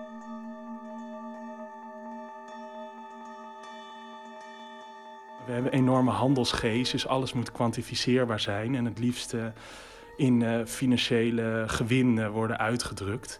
En waar ik mee bezig ben, en ik heb dat nu ook ontdekt in CERN, die fundamentele wetenschappers, die, die zijn echt heel erg mee met langetermijn eh onderzoek bezig. En dat, dat eh, is heel ver van zeg maar, direct financieel gewin. Het gaat veel meer over zeg maar, wat is eh, de kwaliteit van het leven bijvoorbeeld. En hoe kunnen we die horizon verbreden van ons geestelijk ver- vermogen. Nou ja, de universiteit bijvoorbeeld in Nederland, de geestenwetenschappen, dit zijn de eerste die worden gesloten, de deuren nu. Waar komen we vandaan? Wat, wie zijn wij als mens en waar willen we heen? Dat zijn eigenlijk grote wijsbegeerte vragen. Eh, en in, ik, misschien heeft het te maken met het internet en die overvloed aan informatie. Dat we gewoon weer heel erg naar, naar die plek van wie we zijn eh, zoeken. Een van de dansers zegt in de documentaire ook van ja, ik was in het begin gewoon doodsbang eh, voor die wetenschap. Gewoon het idee dat je het niet begrijpt. Maar jij lijkt die angst helemaal niet te hebben. Nee, ik heb die angst vreselijk. Ik ben eh jongste van negen kinderen. En eh, mijn broers en zussen, die, de meeste van zitten in de muziek. We hadden thuis altijd eh, hadden we jam sessies en alle instrumenten in de woonkamer. We waren niet heel erg van het, van het bepraten van de, van de dag, maar veel meer dat we heel snel achter ons instrument sprongen en dan samen jazzmuziek improviseerden. En ehm, eigenlijk, mijn zus die, die danste. Dus ik, we hadden wel met ballet en zo. eh, ja, dus dit project voor mij was, heb ik, ben ik volgens mij ook begonnen om die angst te overwinnen. Omdat het, weet je, ook waar ik vandaan kom met al die gekke muzikanten die allemaal op de bühne staan. En die dansers waar ik op een gegeven moment mee steeds meer mee ben gaan samenwerken. En verschillende films mee heb gemaakt. Eh, dan, dan is dat zo'n andere wereld en staat zo ver weg. Daar kijk je tegenop dan of zo. Nou, zeker. Eh, Ik merkte ook heel veel mensen in de crew. Die, hè, ik was er nou al, al een beetje op ingewerkt. En, en ze, die, die, die, wat ook te gek is, weet je, als je zo'n deeltjesfysicus vraagt van... kan je een analogie geven tussen een bewegend deeltje en een bewegende danser... Daar gaan ze dus ook gewoon serieus op in. En dan komt er een heel interessant verhaal uit. Vinden ze geen rare vraag? Nee, dus zij vinden geen enkele vraag raar, weet je wel. Dus, dus, uh, dus toen ik daar voor het eerst kwam en dan stel ik alle kindervragen, weet je wel, waar komen we vandaan en hoe, zijn, uh, hoe, zijn, hoe is mijn lichaam opgebouwd uit deeltjes, daar gaan ze gewoon serieus op in. En dan krijg ik niet een klap op mijn achterhoofd van uh, stel niet van die algemene vragen. We praten daar met een Michael Dozer bijvoorbeeld, een deeltjesfysicus. En die kan dat ook heel mooi uitleggen dat, dat ze daar dan uh, op zoek zijn naar een hele heldere theorie over hoe, weet ik veel, de zwaartekracht in verbinding staat met de moderne fysica. En dan, de, dan is zo'n wetenschapper, als hij erachter komt uh, en dat toetst, uh, bijvoorbeeld middels zo'n uh, zo'n machine als CERN, als ze dan dat toetsen en erachter komen dat die theorie niet klopt, dan zijn ze ook de eerste die dat toegeven. Van ja, ik heb twee jaar gewerkt, het klopt niet. We hebben wel allemaal mooie dingen ontdekt, maar helemaal niet de dingen waar we naar op zoek waren.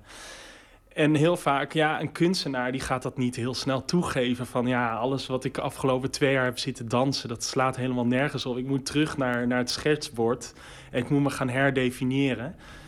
En ik denk dat daar ook een enorm verschil zit. En tegelijkertijd uh, zijn we dus ook heel erg op zoek naar diezelfde uh, ja, oergevoelens. Eigenlijk heeft het verhaal toch best een sterke moraal. Dat uh, wetenschap uiteindelijk ook de liefde en de kunsten nodig heeft. Maar zoals jij spreekt over die wetenschappers daar, zijn ze eigenlijk al heel open en, en open-minded. En klinken ze helemaal niet als mensen die zich alleen maar verliezen in cijfers en, en grafieken en computers. Nee, ja, precies. Dat uh, hebben wij ook ontdekt. ja, dus, uh, maar kijk, ik, het is een korte film. En uh, ik noem het een dans- en operafilm. Dus dan, dan schroom ik ook niet door extreem moralistisch te zijn. Maar bijna over de top. Maar het is ook geen kritiek, helemaal niet. Het is meer, uh, ik verwonder me over het verhaal wat jij nu vertelt over achter de schermen, over die echte wetenschappers. En dat het bijna niet klopt met, met het beeld wat je dus in de film van hen schetst. Nee, zeker, ja. Dus, dus ik ben ook veranderd door die film.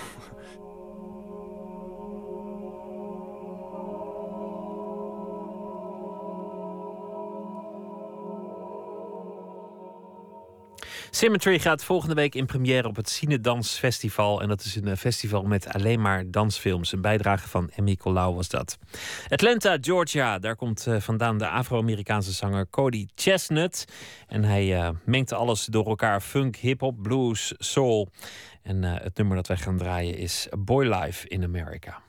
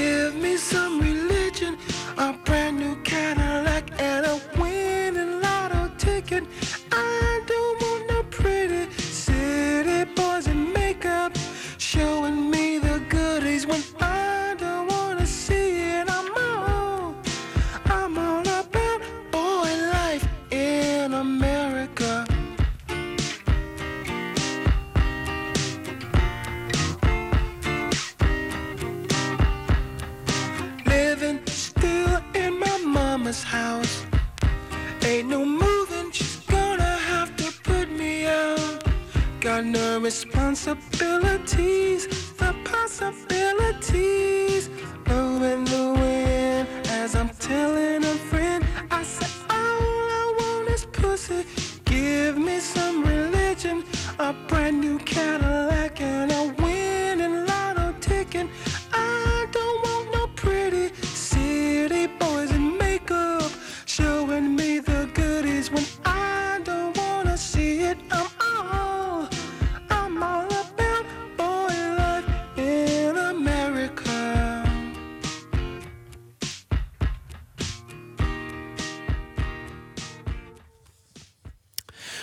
In America was dat van uh, Cody Chestnut. Nooit meer slapen. Vandaag begon in eh, New York de Armory Show, een van de grootste beurzen met hedendaagse en moderne kunst. Het legt zich toe op het laten zien van de belangrijkste kunstwerken van de 20e en 21e eeuw. En daar staat zomaar een 34-jarige Nederlandse artiest tussen met zijn werk, namelijk Rafael Roosendaal. Botte Jellema is onze nachtcorrespondent. Botte, goeienacht. Goeienacht. Rafael, mooie naam voor een kunstenaar alvast om te beginnen. Wat is er van hem te zien daar? Internetkunst. En uh, dat baart nog wel wat opzien bij de Armory Show. Want uh, de New York Observer, blad en website... Uh, die schrijft er heel verwonderd over dat je een domeinnaam moet kopen... als je de kunst van Raphaël wil hebben. Raphaël die verkoopt kunst op een domeinnaam al een flink aantal jaren... maar dat is toch vrij uniek. Um, wat hij maakt, dat kan je trouwens volgende week ook in Nederland zien. Want dan opent hij een expositie met uh, nieuw werk in Galerie MU in uh, Eindhoven, MU. Uh, maar daar straks iets meer, meer over. Eerst eventjes naar hoe dat met die sites en die domeinnamen nou eigenlijk precies werkt. dat doet hij niet zo geheimzinnig over. Hij maakt websites Ehm, en die staan op een bepaalde domeinnaam, zoals bijvoorbeeld uh, intotime.org of uh, moredarkness.com. En, uh, en die, die, kan je dan kopen. je naam komt er dan bij te staan als eigenaar bovenin. Dat is in, in die browser dan zie je bovenin je, je schermpje zie je dan de titel van de website staan. Nou, daar staat dan je eigen naam. Dan kun je zien dat, het, dat jij het hebt gekocht. Uh, dus de naam van de eigenaar staat erbij. Maar de site blijft openbaar, ook als je hem hebt uh, gekocht. Um, nou, ik heb Rafael vanmiddag eventjes uh, gebeld. Hij is in New York nu natuurlijk. En ik vroeg hem hoe zijn werk op de Armory Show wordt gepresenteerd. Dat zijn een aantal schermen met websites van mij en een aantal lenticular werken. Dat zijn stilstaande werken, of dus niet op een computer, maar gewoon tweedimensionale werken waar als je er langs loopt, dan verandert de compositie. Ja, lenticulaire druk is dat. Dat, eh, nou ja, dat ken je wel als je dan zo'n plaatje in je handen hebt. Of van die, van, soms van die postkaarten heb je dan. Uh, die, als je onder de ene hoek kijkt, zie je het ene plaatje. En dan draai je hem een kwartslag. En kijk je onder een andere hoek naar. En dan ziet het er heel anders uit. Um, en hij heeft er dus ook van die schermen hangen. En al zijn werk bestaat uit vormen in extreme kleuren. Al mijn werk uh, is eigenlijk heel veel compositieonderzoek. En ik gebruik altijd eh, erg felle kleuren om dat zo extreem mogelijk op te zetten. Ik gebruik die felle kleuren omdat ik, als ik allemaal subtiele kleuren zou maken... dan zou de compositie minder duidelijk worden. Ja, de expositie in New York is bescheiden van opzet. Nou, het is een stand van ongeveer 4 bij 4 meter in de frontale muur. Er hangen twee grote televisieschermen op hun kant, dus ze staand. En alle andere werken zijn ook staand.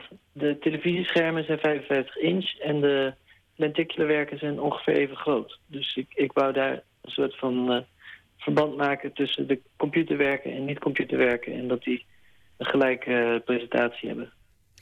Ja, computerwerken en niet-computerwerken. Zijn die computerwerken dan volgens hem zijn belangrijkste werk?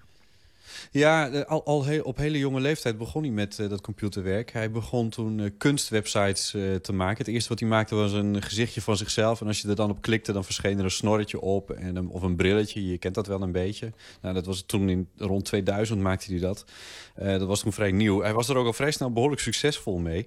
Het heeft wel inmiddels heel erg veel verschillende vormen. Maar het is heel vaak interactief, nog steeds. Dus nog steeds iets met erop klikken of eroverheen slepen. Als je met de muis iets, muis iets doet op die sites, dan gebeurt er meestal ook wel iets. Niet altijd trouwens. Er is ook een site die heet uh, ringingtelephone.com geloof ik. En daar blijft eindeloos een telefoon overgaan. Die hoor je dan de hele tijd. En er is geen mogelijkheid om dat uit te zetten. Behalve door die website uit te zetten natuurlijk. Um, maar het is een bijzondere jongeman. Uh, hij is half Nederlands, half Braziliaans. Daar komt het Rafael natuurlijk ook vandaan. Uh, en hij vond de uitvinding van het internet zo bijzonder... dat hij het woord internet aan de binnenkant van zijn onderlep heeft laten tatoeëren. Oeh, dat lijkt me pijnlijk. Dat is toch best een lang woord dan ineens, uh, lijkt me. Maar um, ik, ik, snap één ding niet. Hè? Want als je zijn kunst wil kopen, dan moet je een domeinnaam kopen. Hoe, hoe werkt dat? Ja, het was voor mij ook even nieuw, maar het is niet heel onlogisch. Want uh, zijn werk bestaat in feite natuurlijk... Hij schrijft dan die, die, die, die achterliggende bestanden van zo'n site. Dat vormt een aantal computerbestanden. Uh, zoals ook de website van Nooit meer slapen uit een aantal computerbestanden bestaat. Um, en die zijn bij Rafael op een bepaalde manier uh, aan die URL gekoppeld, achter dat domein gezet. En die kan je van hem kopen. Ik koop een domeinnaam voor het werk en dat is de titel van het werk. Bijvoorbeeld is iamveryverysorry.com of muchbetterthanthis.com. En het is dus de titel, maar ook de locatie van het werk. Dat is, is het grondidee. Ik vind het fijn dat eh, het werk een permanente plek heeft. En dat het daar het publiek is. En dan de verkoop daarna is heel makkelijk. Je, stuurt, je maakt het bedrag over en dan stuur ik de domeinnaam naar de nieuwe eigenaar. Ja, een computerkunst dus eh, in die vorm. Uh, Raphaël kiest ervoor om uh, domeinnamen te vullen. Het, het, het, is zo snel met computerbestanden dat je er zoveel hebt... dat je niet eens meer weet wat wat is. Mm -hmm. En daarom heb ik gekozen voor domeinnamen. Dat, dat, je dus echt kiest, nee, dit werk is af... en ik zet het in een domeinnaam en alsof het ingelijst is. Het is niet meer een schets. Maar jij koopt dan een, een werk van hem, een domeinnaam en, en een, uh, een site erbij eigenlijk. Maar dan kan iedereen die bekijken. Of is die dan alleen voor jou zichtbaar? Nee, uh, iedereen uh, moet erbij kunnen komen. Dat is uh, een deal die Rafael nadrukkelijk sluit met de nieuwe eigenaar. De nieuwe eigenaar die is ook verplicht om die website draaiende te houden. Want het, het kost natuurlijk een patiënten om een URL, hè, om een domeinnaam te onderhouden. Die, die dingen zijn niet helemaal gratis. Het valt op jaarbasis nogal mee, maar dat, dat, dat staat ook in dat contract. Dat ding moet blijven draaien. En uh, het moet openbaar blijven. Uh, hij zet je naam erbij als eigenaar van de site. Iedereen kan het dan zien. Je kan het dus dan daar mee, ja, ik bedoel op alle mogelijke vormen. Op zo'n 55-inch beeldscherm op een kunstbeurs in New York, als je dat wil, kun je het laten zien. Maar ook op een telefoon of op een beamer, heel groot projecteren ergens, aan de overkant, op het pand van de buren, wat je wil. Het werk kan overal bestaan en tegelijkertijd, zo zegt uh, Raphaël uh, tegen mij. Uh, en zo hadden zijn websites vorig jaar in totaal meer dan 30 miljoen unieke bezoekers. En nu is het dan te zien uh, in New York op die beurs. En je zei ook in, in Nederland binnenkort. En, en hoe wordt het daar dan geëxposeerd? Ja, dat is uh, het, meer een combinatie van verschillende werken van hem. In Eindhoven zit Galerie Mu. Uh, die zitten in een oud fabrieksgebouw van Philips in de binnenstad. Dat is een vrij grote en ruige ruimte. Geen steriele witte muren, maar steunpilaren en buizen langs het plafond, hoge ramen. En daar wil Raphaël dus iets bijzonders doen. Dus hebben we besloten om alle ramen te beplakken met uh, spiegelend folie. Dus eigenlijk wordt dan de ruimte eindeloos, omdat je de vier muren eromheen helemaal spiegelend zijn. Dus je ziet jezelf eindeloos gereflecteerd. En de pilaren, die, daartussen trekken we een lange rol stof van een meter breed. En dan komt er een soort kriskras patroon van strak gespannen witte stof. Mm -hmm. En wit zand op de vloer en witte ballonnen door de ruimte. Dus het zijn allemaal witte oppervlaktes waarop we projecteren. En dan zijn er 25 beamers die allerlei werken van mij projecteren. Maar we zijn gewend dat internet en, en animatie op een plat vlak is. En dit is dus juist een heel dynamische, onvoorspelbare omgeving. En de, de bezoekers kunnen de ballonnen bewegen en de stof bewegen en het zand bewegen. En dat zijn allemaal projectieoppervlaktes. Ja, Rafael zei tegen mij, je moet het eigenlijk zien als een soort gigantisch spinnenweb waar je doorheen kan bewegen. En alles beweegt dan dus. Te zien op de prestigieuze beurs The Armory in New York. En uh, dus vanaf uh, volgende week vrijdag in Eindhoven. Ja, klopt. Dankjewel, Botte Jellema. Alsjeblieft. Countryzangeres uh, Rhiannon Giddens maakte ook deel uit van de groep The Carolina Chocolate Drops. Komt uit North Carolina, studeerde opera. En vorige maand bracht ze haar eerste album uit. De titel is Tomorrow is My Turn. Het nummer Last Kind Words. thank you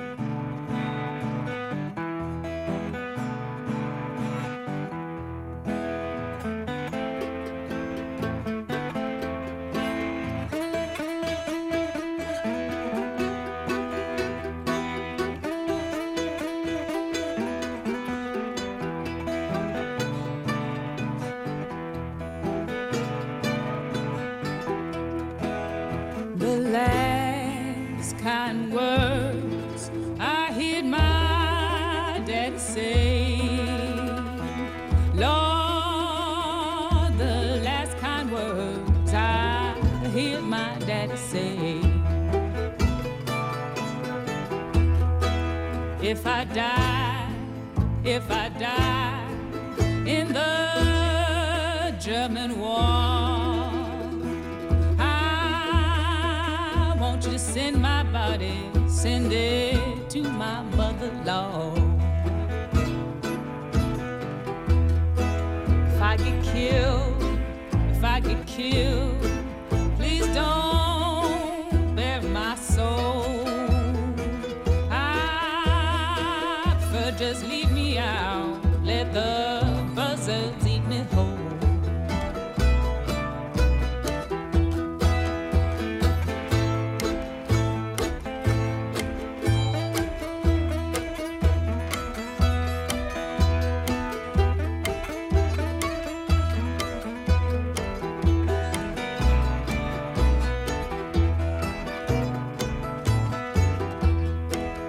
When you see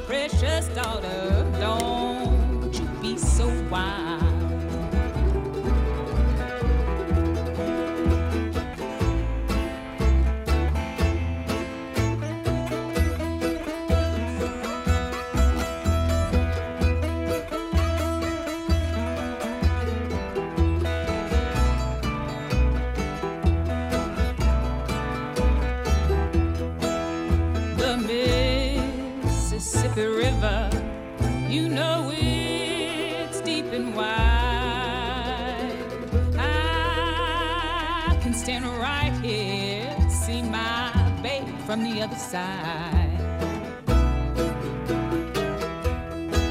What you do to me, baby, it never gets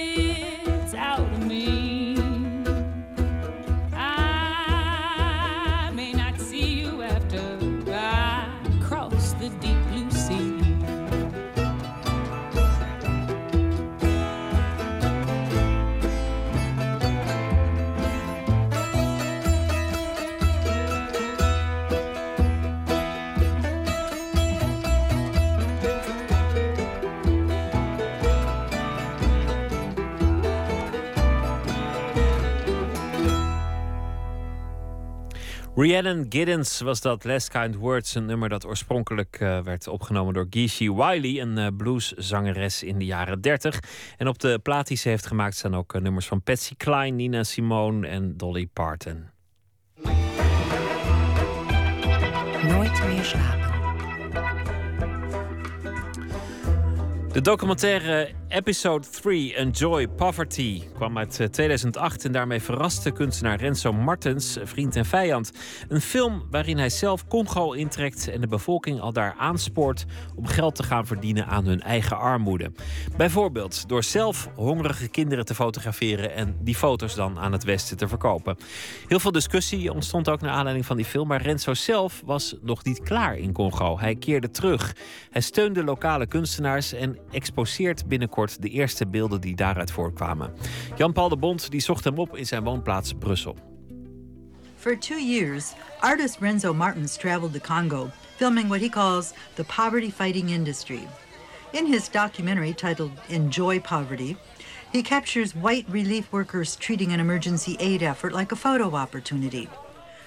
Ik wilde een film maken over heel erg grote ongelijkheid, over armoede, over oorlog, maar vooral ook over hoe die film zelf eigenlijk een verderzetting is van diezelfde ongelijkheid. En Congo leek gewoon het beste land. Het was allemaal voorhanden. Enorm land, heel veel natuurlijke eh, grondstoffen, ontzettend veel rijkdom, kortom, olie en coltan en diamanten, goud, eh, et cetera, et cetera. En dan ook nog heel veel armoede die kon gaan filmen en oorlog. Nou, alles was er gewoon. Dus eh, Want nu voor dit project, dit, dit verhaalt eigenlijk over een kunstcentrum wat je daar hebt opgezet. Is dat ergens een logische voortzetting van wat je voor de film voor Enjoy Poverty had gedaan? Of had je daar in principe afscheid genomen na de film? Nee, wat mij al gauw opviel, dat, dat die film in New York of in Amsterdam wel voor banen en nieuwe ideeën en voor leuke studies en zo zorgde. En dat mensen daar dan scripties over gingen schrijven. En dat, nou ja, dat levert heel veel op voor heel veel mensen. En voor mij ook natuurlijk. Maar in Congo uh, leverde het eigenlijk 0,0 op. Dus dat, dat, dat, dat was ja, een soort vreemde tegenstelling.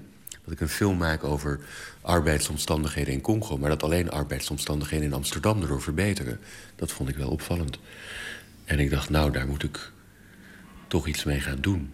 Maar niet alleen op symbolisch vlak. Misschien kan ik zorgen dat daar dan ook een galerie komt en een leuke cappuccino bar. En dat mensen dan daar ook PhD's kunnen gaan schrijven over kritische kunst en dat soort dingen. Dus om dat allemaal in gang te zetten, moet ik natuurlijk eerst zorgen dat er een goed kunstcentrum is. Want ja, dat was er nog niet.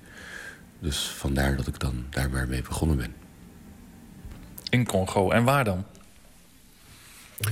Nou, de plek waar ik het meeste verliefd op geworden was in Congo. Rivier is daar zo breed als het hele IJsselmeer.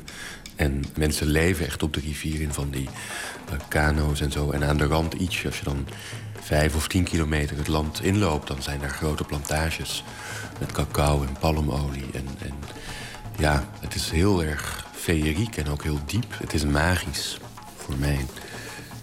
En toen vond ik een Canadees bedrijf die net een oude Unilever-plantage had overgekocht. Die hebben ze gekocht in 2009, geloof ik. En ik, ik heb hen benaderd van mogen we misschien bij jullie een, ons kunstcentrum oprichten.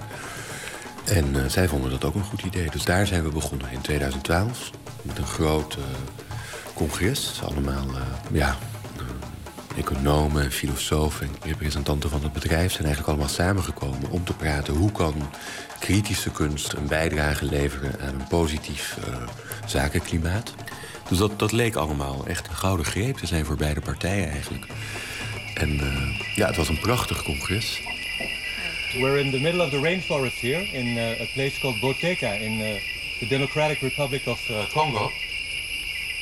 We're sitting here with about 200 people who work on a former Unilever plantation. And we're building some kind of an art center here because we believe that there is, you know, they too have to make a transition to something beyond that.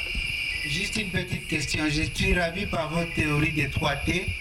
Technologie, talent. En de vertraging kwam in de vorm van die Canadese plantage-exploitant... die in eerste instantie blij waren met je komst. Ja, het ging hartstikke goed met Veronia. Na, de, na het openingsseminar ben ik nog bij ze op bezoek geweest in Londen... en het was een heel erg leuk gesprek. Daarna lieten ze weten van, nou ja, we hebben andere prioriteiten... we kunnen hier niet uh, verder helpen met uh, allerlei hand- en spandiensten. Ik zei, geen probleem, we doen het zelf wel. Nou, op die plantage staan heel erg veel gebouwen leeg. Al de winkels bijvoorbeeld, die Unilever daar ooit heeft neergezet... om zijn uh, personeel aan uh, zout en uh, olielampjes en god weet wat te helpen... die staan allemaal leeg, want ze hebben toch geen koopkracht.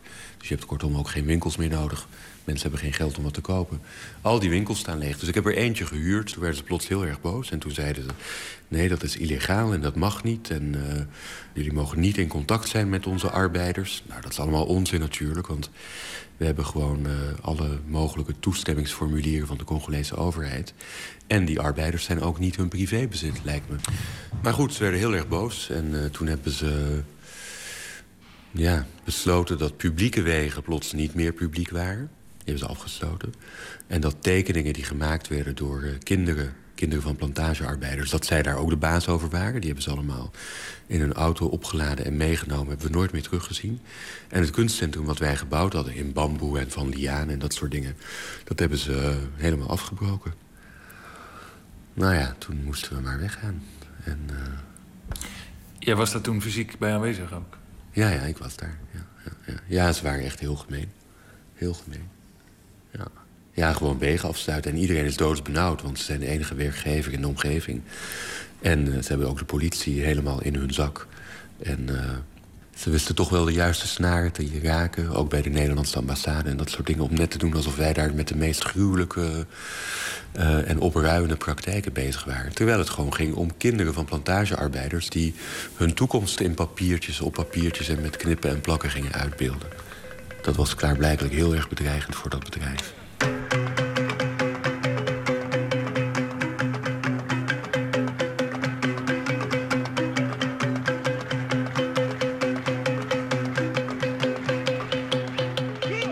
Weggejaagd wordt... is op zich natuurlijk een soort compliment. Alleen moest ik dat nog even beseffen, want ik was toch danig van slag.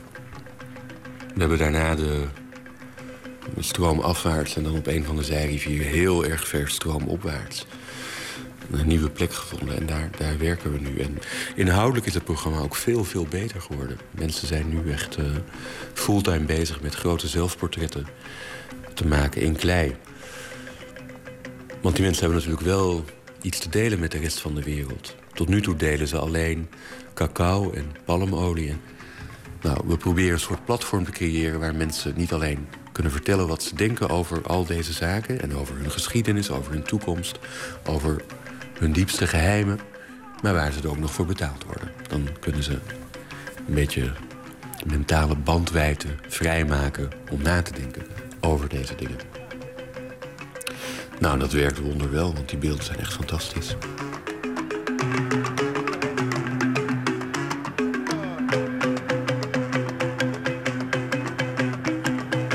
De beelden gaan tentoongesteld worden hier en ook hopelijk verkocht. Maar die hebben ze niet daadwerkelijk hier naar Nederland verscheept. Dat kan ook helemaal niet, want die beelden zijn gemaakt met klei uit de rivier. En voor die beelden ooit zelfs maar in de hoofdstad Kinshasa aangekomen zouden zijn... zou ze al helemaal kapot zijn. Maar goed, wat we bedacht hebben is, nou, die klei exporteren lukt niet. Cacao wel, hè, die is al in Amsterdam. Dus laten we dan gewoon aan die cacao die er toch al ligt... al deze artistieke ideeën en ook die gevoelens en die visies aan die cacao toevoegen. En jullie hebben dan daar 3D-scans gemaakt van de beelden. En die zijn hier door patissiers weer in chocola omgezet eigenlijk. En die zijn dus identiek aan de sculpturen die in Congo zijn gemaakt. Behalve dat ze nu uit de chocolade zijn die van die plantages komt in plaats van, van klei. En daar genereer je nu aandacht mee. Maar je, je gaat daadwerkelijk geld genereren door ze gewoon te verkopen. Ja, als het een beetje mee zit, wordt het toch gewoon uh, handel. Hè? Ja. Kijk, we hebben ook kleintjes. Die kosten maar 40 euro of 50 euro. Dat is echt bijna niks, joh. Maar ja, als je het uitrekent per gram chocolade die erin zit... en je vergelijkt dat met een normale chocoladereep... is het toch een inkomstenstijging voor die man in Congo van 7000 procent. Dus... Hoe voorkom jij dat um, mensen deze hele geschiedenis... dit hele initiatief, dit verhaal belangrijker gaan vinden... dan de objecten, de sculpturen die ze gaan zien aan zich? Oh, maar die sculpturen, die, dit verhaal van mij... dat valt helemaal in het niets als je die sculpturen ziet. Die werken zijn zo krachtig. Daar, dat, dit verhaaltje, dat, dat eh, kun je gewoon meteen in de vuilnisbak gooien.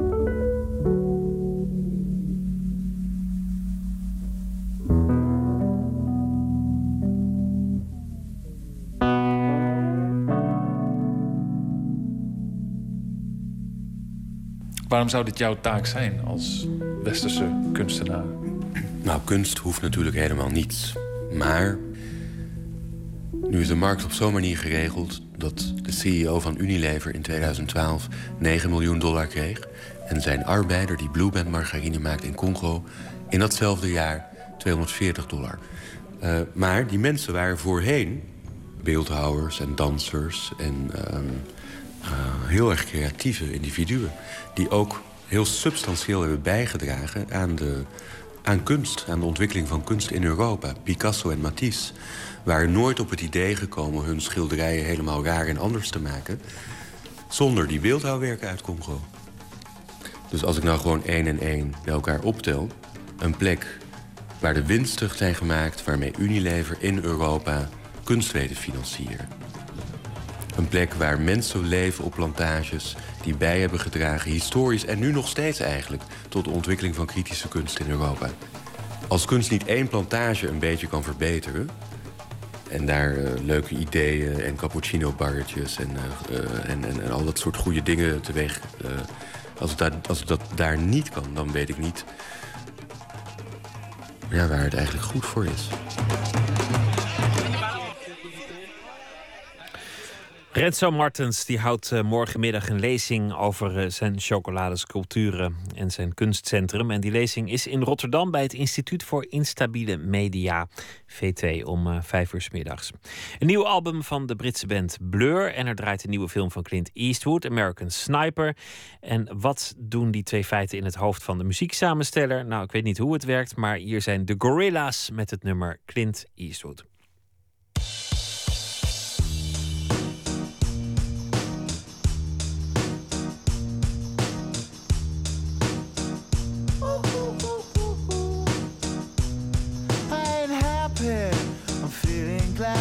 Sunshine in a bag. I'm useless, but not for long. The future is coming on. I ain't happy. I'm feeling glad I got sunshine in a bag. I'm useless, but not for long. The future is coming on. It's coming on. It's coming on. It's coming on. It's coming on. Finally, someone let me out of my cage. Now, time for me is nothing cause I'm counting no A's. Nah, I couldn't be there. Nah, you shouldn't be scared. I'm good at repairs and I'm under each snare. Intangible. Bet you didn't think so I command you to. Panoramic view. Look, I'll make it all manageable. Pick and choose, sit and lose. All you different crews, chicks and dudes who you think is really kicking tunes. Picture you getting down in a picture tube. Like you lit the fuse. You think it's fictional, mystical, maybe spiritual hero who appears in you to clear your view when you're too crazy. Lifeless to those, the definition for what life is. Priceless to you because I put you on the hype shit. You like it? Gun smoke, you're righteous with one toke. You're psychic among no possess you with one go. I'm feeling glad I got sunshine in a bag. I'm useless, not for long. The future is coming on. Ain't happy. I'm feeling glad I got sunshine in a bag. I'm useless, but not for long. Future is coming on.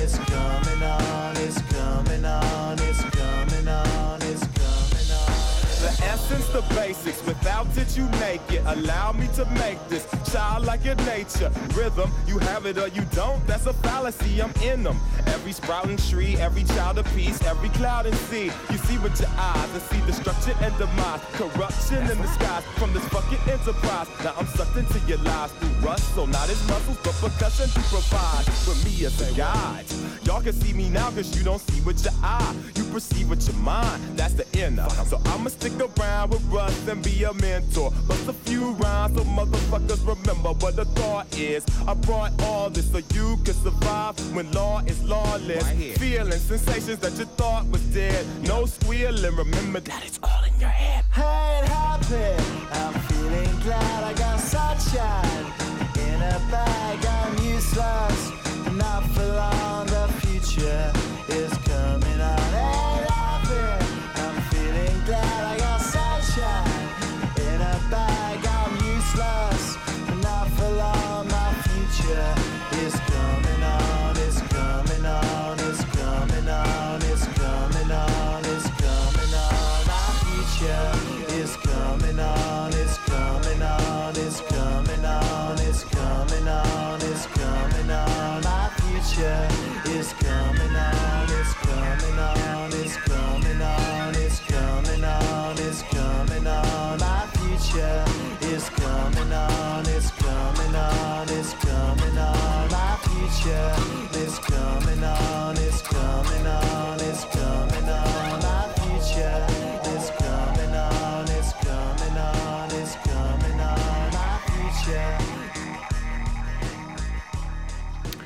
Gorilla's, het uh, bandje rond uh, Blur-voorman uh, Damien Elbarn met het nummer Clint Eastwood. Pieter Boskma is dichter. Deze week draagt hij elke nacht een van zijn favoriete gedichten voor. Hij leest vannacht twee liefdesgedichten van Herman Gorter.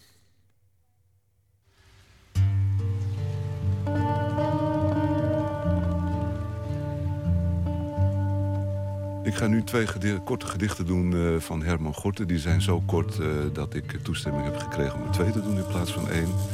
Ik doe deze gedichten omdat het eigenlijk uh, gedichten zijn die, die, als je die nu zou schrijven, zou hoon je deelachtig zijn. Het zijn hele verliefde gedichten... waarin hij schaamteloos ook zegt... ik hou van je, ik hou van je, ik wil jou zijn. En het kan niet. Er zit ook iets heel moderns in, dat aan Prins doet denken. Die ook eh, eh, eh, altijd... If I Was Your Girlfriend, die ook wil samenvallen met de geliefde... Of, of op wil gaan in de geliefde. En dat zegt eh, Herman Gorty eigenlijk ook. Dus in die zin is het heel modern. Ik eh, wil graag iets van Gorty ook doen... omdat ik hem beschouw als het begin... eh, als een van de eerste dichters waar de moderne Nederlandse poëzie begint. En die zo veel en afwisselend en rijk heeft gedicht. Ehm, van, van fluisteren tot geëxalteerd juichen. Van, eh, van liefdesgedichtjes, die ik dus zo meteen ga doen. Tot, eh, tot politiek betogen. Tot hele korte, eh, bezwerende tekstjes. Tot enorme lappen van teksten zoals Mij en Pan. Kortom, een allround dichter. Ehm, en een van mijn favorieten in de Nederlandse poëzie. O mooi, om u is lichtgedooi, warm, warm, warm, stil omhangen van warmte, ik doe verlangen. Uw ogen zijn zo blauw als klaar water.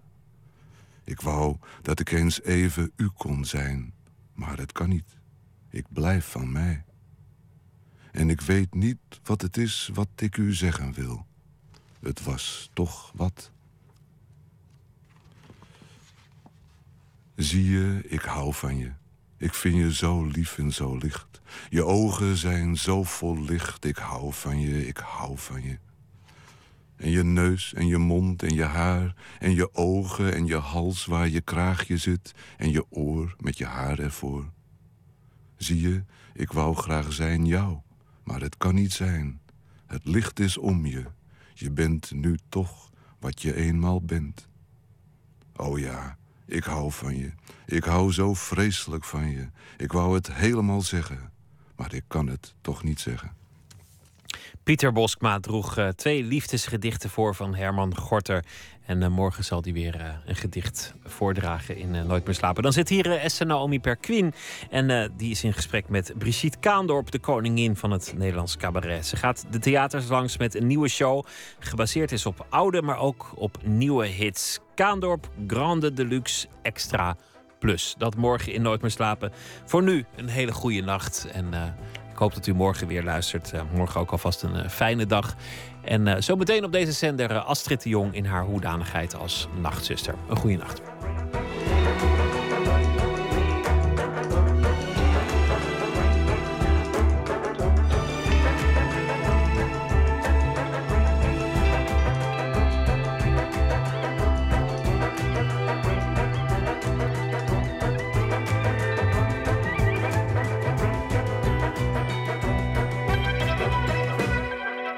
Radio 1, het nieuws van alle kanten.